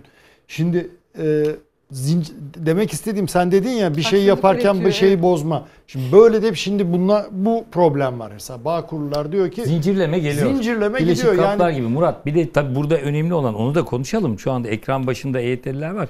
Stajın mesela prime sayılması meselesi burada çok önemli. Mesela adam stajı prime e, sayılsa belki bir gününe kaybetmeyecek. Tabii. Staj Anlatabildim yani mağdurları diye 17 ayrı yıl topluluk, staj evet. prime sayılsa Çiğdem 17 yıl daha fazla çalışmak durumunda Tabii. kalmayacak. Yani bunu hesaba katmak lazım. Evet. Evet. Yani şimdi e, bir de tabii diğer çalışan kesimler de var. Biz sabahtan beri işte aday kim olacak, pol- e, meclisteki koridorlardaki durumu anlattık, politikayı anlattık ama bu seçimin kaderini de belirleyecek çalışanlar. İşte öğretmenler mesela şu anda mesaj atıyorlar bana. Sözleşmeli öğretmenler, özel okuldaki maaşları çok ciddi.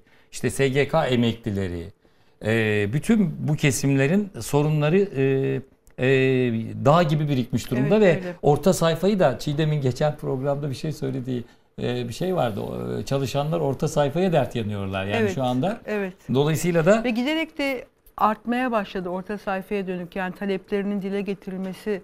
Serbest kürsü haline geldik. Serbest Evet, kürsü bu- haline Ne güzel. geldik. Biz de Bu- bu- takip bu- edeceğiz. Bu Ne bizde, bizler açısından tabii ki iyi. Yani fikri takip açısından, sorunların peşine düşmek açısından ama bir yandan da memleketteki çok temel problemlerin ne kadar biriktiğini, kangren haline geldiğini de bir yandan gösteriyor. Ve e, belki de yani seçimlerden sonra diyelim ki Millet İttifakı iktidara geldiğinde bu sorunları devasa bir şekilde önünde bulacak. Evet. Yani işte kadrol e, sö- sözleşmelilerin kadroya geçirilmesi vesaire müthiş e, bir e, dışarıda bekleyen umudunu kaybetmeyen bir kitle var. Bakalım önümüzdeki günler e, ne getirecek? aylıkları mesela o Evet. geldi aklıma. Asgari ücretin üzerindeydi bundan 20 sene önce. Yüzde otuz, yüzde iktidar- kırk, yüzde kırk üzerindeydi. Sonra sosyal güvenlik yasalarında bir takım değişiklikler yapıldı. Şimdi asgari ücretin altına düştü emekli maaşı. Yani o kanunlarda yapılan değişiklikler Yani nedeniyle. Bunun işte devlete güvenip mesela. mağdur olmak İktidar yani gerçekten bence o çok kadar çok korkuyor ki seçimi kaybetmekten genel kurulda e, önerge verecekler ve e, EYT'lilerin taleplerini karşılayacaklar. Bu salı günü böyle bir şey bekliyorsun. Ben bekliyorum. Anladım. Şimdi tabii devasa sorunlardan e, söz etmişken en büyük sorunlardan bir tanesi de özgürlükler meselesi. Özellikle sanatçılara yapılan baskılar, gazetecilere yapılan baskılar. E, meslektaşımız Metin Uca e, dün havalimanında gözaltına alındı. Niye alındı? Sonradan da serbest bırakıldı. Gerekçe Edremit'teki gösteri sırasında Fatih Sultan Mehmet'in deniz ürünlerini yani deniz, deniz kabuklu ürünlerini severek yediğini söylemiş. Ya bunu da tarihten O da Yerasimos'un Evet e, Yerasimos'un atfen, atfen e, Evet. şey yapmış. E, Metin'le ben de çalıştım. Murat da çalıştı. Hatta aynı dönem üçümüz birlikte Ben de çalıştık. çalıştım. Sen de çalıştın. Anadolu Ajansı'nda biz Sen Anadolu Ajansı'nda evet. çalıştın. Biz de Kanal D'de çalıştık Metin'le beraber. Metin şu sıralarda da bir oyununda kullanıyor. Biz de tanıtımda söyledik. Türkiye'nin en yağcı gazetecisi kim? Tabii burada tamamen işin esprisine söyledik. Böyle zeytinyağı şişesine kendi resmini yapmış. Hüseyin şu anda gösterebiliyor musun izleyicilerimize? İzleyicilerimize tabii ki Metin Uca çok onurlu bir e, gazetecilik onur e, yapan ve onurlu bir meslektaşımız. E, yağcı gazetecilerden tamamen soyutlayarak bunu biz bir espri olsun diye söyledik. E, Metin Uca O da zaten bu- kendine öyle espri yapıyor. Tabii o da kendini espri yapıyor. Ee, şöyle söyleyeyim. Tabii buradan hareket ederek Osmaniye'de Metin'in bir gösterisi vardı. 200'e yakın bugün konuştum bilet satılmış. Fakat İl Kültür ve Turizm Müdürlüğü işte bundan gerekçe göstererek ee, Metin Hoca'nın bu Bir şeyini de oyununu Osmaniye yani Bahçeli'nin evet, memleketi. iptal etmiş. Ee, Metin Hoca da bunu ben Kemal geliyorum diye esprilerin Ben- olduğu bir ortamda bakın nasıl söylemiş. Bu yasağın Osmaniyelilere seslenmiş. Sevgili Osmaniyeliler, ben Metin, gelemiyorum. Niye mi? Çünkü Osmaniye'de ayın 12'sinde oynayacağımız gösterimiz İl Kültür Turizm Müdürlüğü tarafından iptal edildi. Fatih Sultan Mehmet'in deniz kabuklarına olan merakı ve bunun kitapta yer alışını yanlış değerlendiren biri nedeniyle geçirdiğimiz soruşturmanın ilk sonucu bu oldu. 200'e aşkın bilet satılmıştı. Ben kendi adıma başkaları için tüm Osmaniyelilerden özür diliyorum efendim. Evet.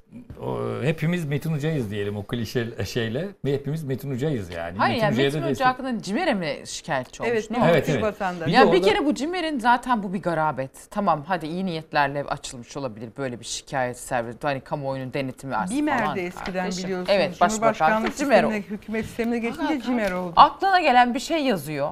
Vallahi savcıların önünde böyle dosya var ha. Eskiden hakikaten. FETÖ'cülerin Yani- şeyi vardı ya im- imzasız, isimsiz e, gizli tanık mektupları.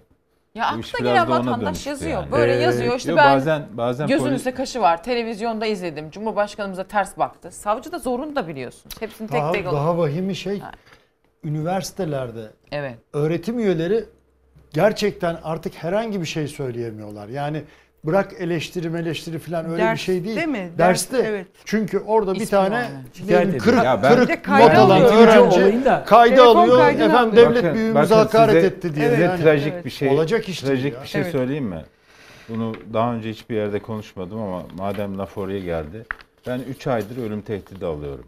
Yani Yeşil Kod adlı, Yeşil Kod adını kullanan, e, Mahmut Yıldırım kod adını kullanan, Beyaz Toros kod adını kullanan birileri beni tehdit ediyorlar. Öldürmekle tehdit ediyorlar.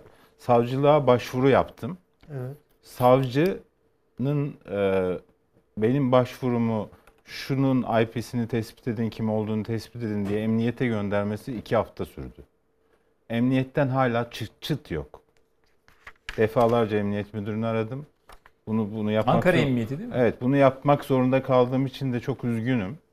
Ama gerçekten mesela ben bir gazeteciyim ve bir dönemin sembol isimlerini ya. kullanan e, birileri beni ölümle tehdit ediyorlar. Savcı da polis de haftalardır, aylardır bakın 3 ay oldu. Tek bir gelişme olmadı. Tek bir gelişme olmadı. Metin Hoca'nın şeyine bir, bir e, muhbir vatandaş çıkıp telefon ediyor. Metin Hoca gözaltına Deniz alınıyor. hem de şöyle. 30'unda Böyle- böyle bir UYAP'a rezalet olur mu Deniz, yani? 30'unda UYAP'a düşüyor. İki gün içerisinde polis gözaltına alıyor. Çünkü Ben- yani sende o Türkiye'sinde- refleksi göstermeyen polis Bak ben ne Metin diyorum? Hoca da iki Ben, gün ben içinde gösteriyor. gazeteciyim. Karanlık zamanlarda böyle tipler ortaya çıkar. Bakın kullandıkları isime bakın. Beyaz Toros. 90'ların en Mahmut Yıldırım, faili meçhul e, Yeşil. şeylerini Ya bu isimleri bu cinayet. kod bu kodu kullanıyor ve beni tehdit ediyor, ölümle tehdit ediyor. Ben bunu savcılığa başvurmuşum. Polise kendim bizzat başvurmuşum. Tık yok 3 aydır. Yani bana geçmiş ya olsun. işte fos çıktı, şu çıktı, bu çıktı da Çok diyebilirler. üzücü. Yani bu- Türkiye'nin önde gelen gazetecilerinden birinin ölüm tehdidine duyarsız, ne bileyim Sinan Ateş'in cinayetine duyarsız, bak bir ay geçti çıt yok ama Türkiye'de bugün en ağır suç bu insanların gözünde, mevcut yargı sisteminin gözünde devlet büyüklerine hakaret. Daha ağır hiçbir suç yok onların gözünde. Evet. Cumhurbaşkanına hakaretten Ee, daha burada, ağır bir suç Burada yok. Deniz Zeyre'ye o tehdidi Ya- yapanların yanı sıra sorumlusu Ankara Emniyetidir. Bunu da Yok, söyleyelim. Kayıtlara da- geçsin. Sav- savcılık sav- da- savcılık yani da- savcılık savcılıktır. Savcı- Ankara Emniyetidir. Bakın savcı hanımefendi evet. ya şeydir hani öyle lay lay lomdur ciddiye Çünkü alınacak bir yani şey değildir. Allah Ee, etmesin sana buradan bir şey da olsa kayıtlara geçsin. sorumlu Ee, bütün? Türkiye şu anda izleyicilerimiz bizi izliyor. Duyarlı izleyicilerimiz bizi izliyor. Hem savcı sorumludur hem Ankara Emniyet Müdürü. elbette. Emniyet Genel Müdürlüğü sorumludur. Yani hayır benim anlatmak istediğim şey şu.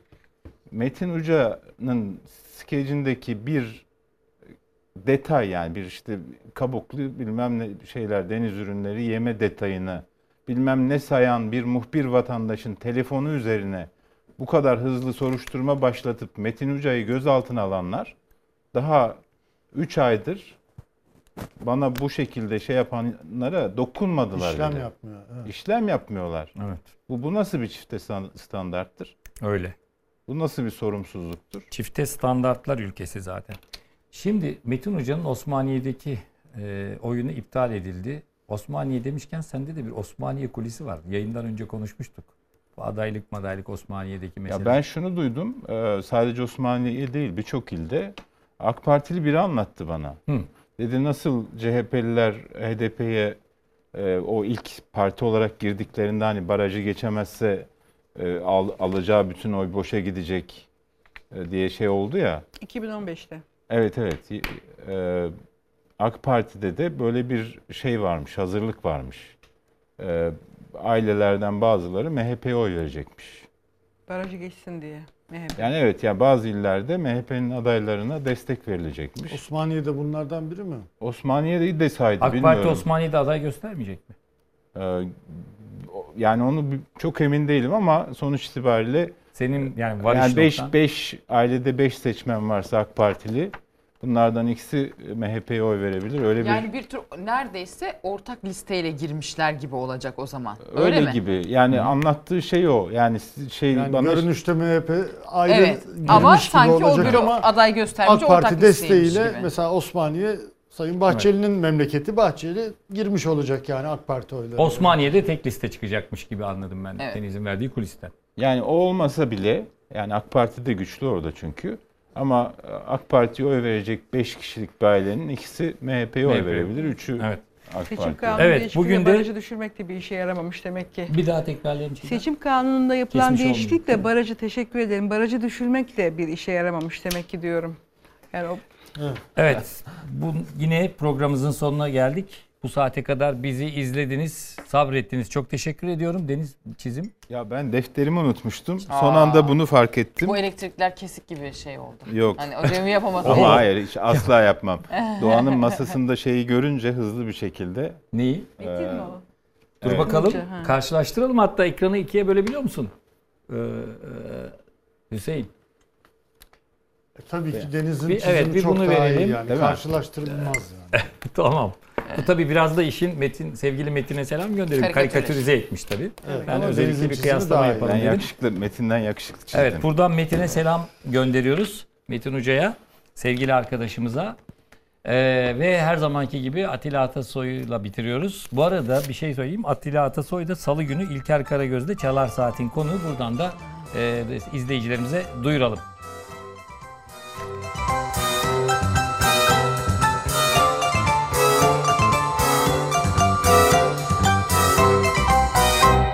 Söyle şimdi nasıl haberler, haberler?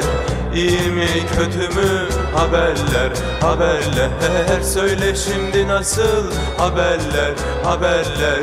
İyi mi kötü mü? Haber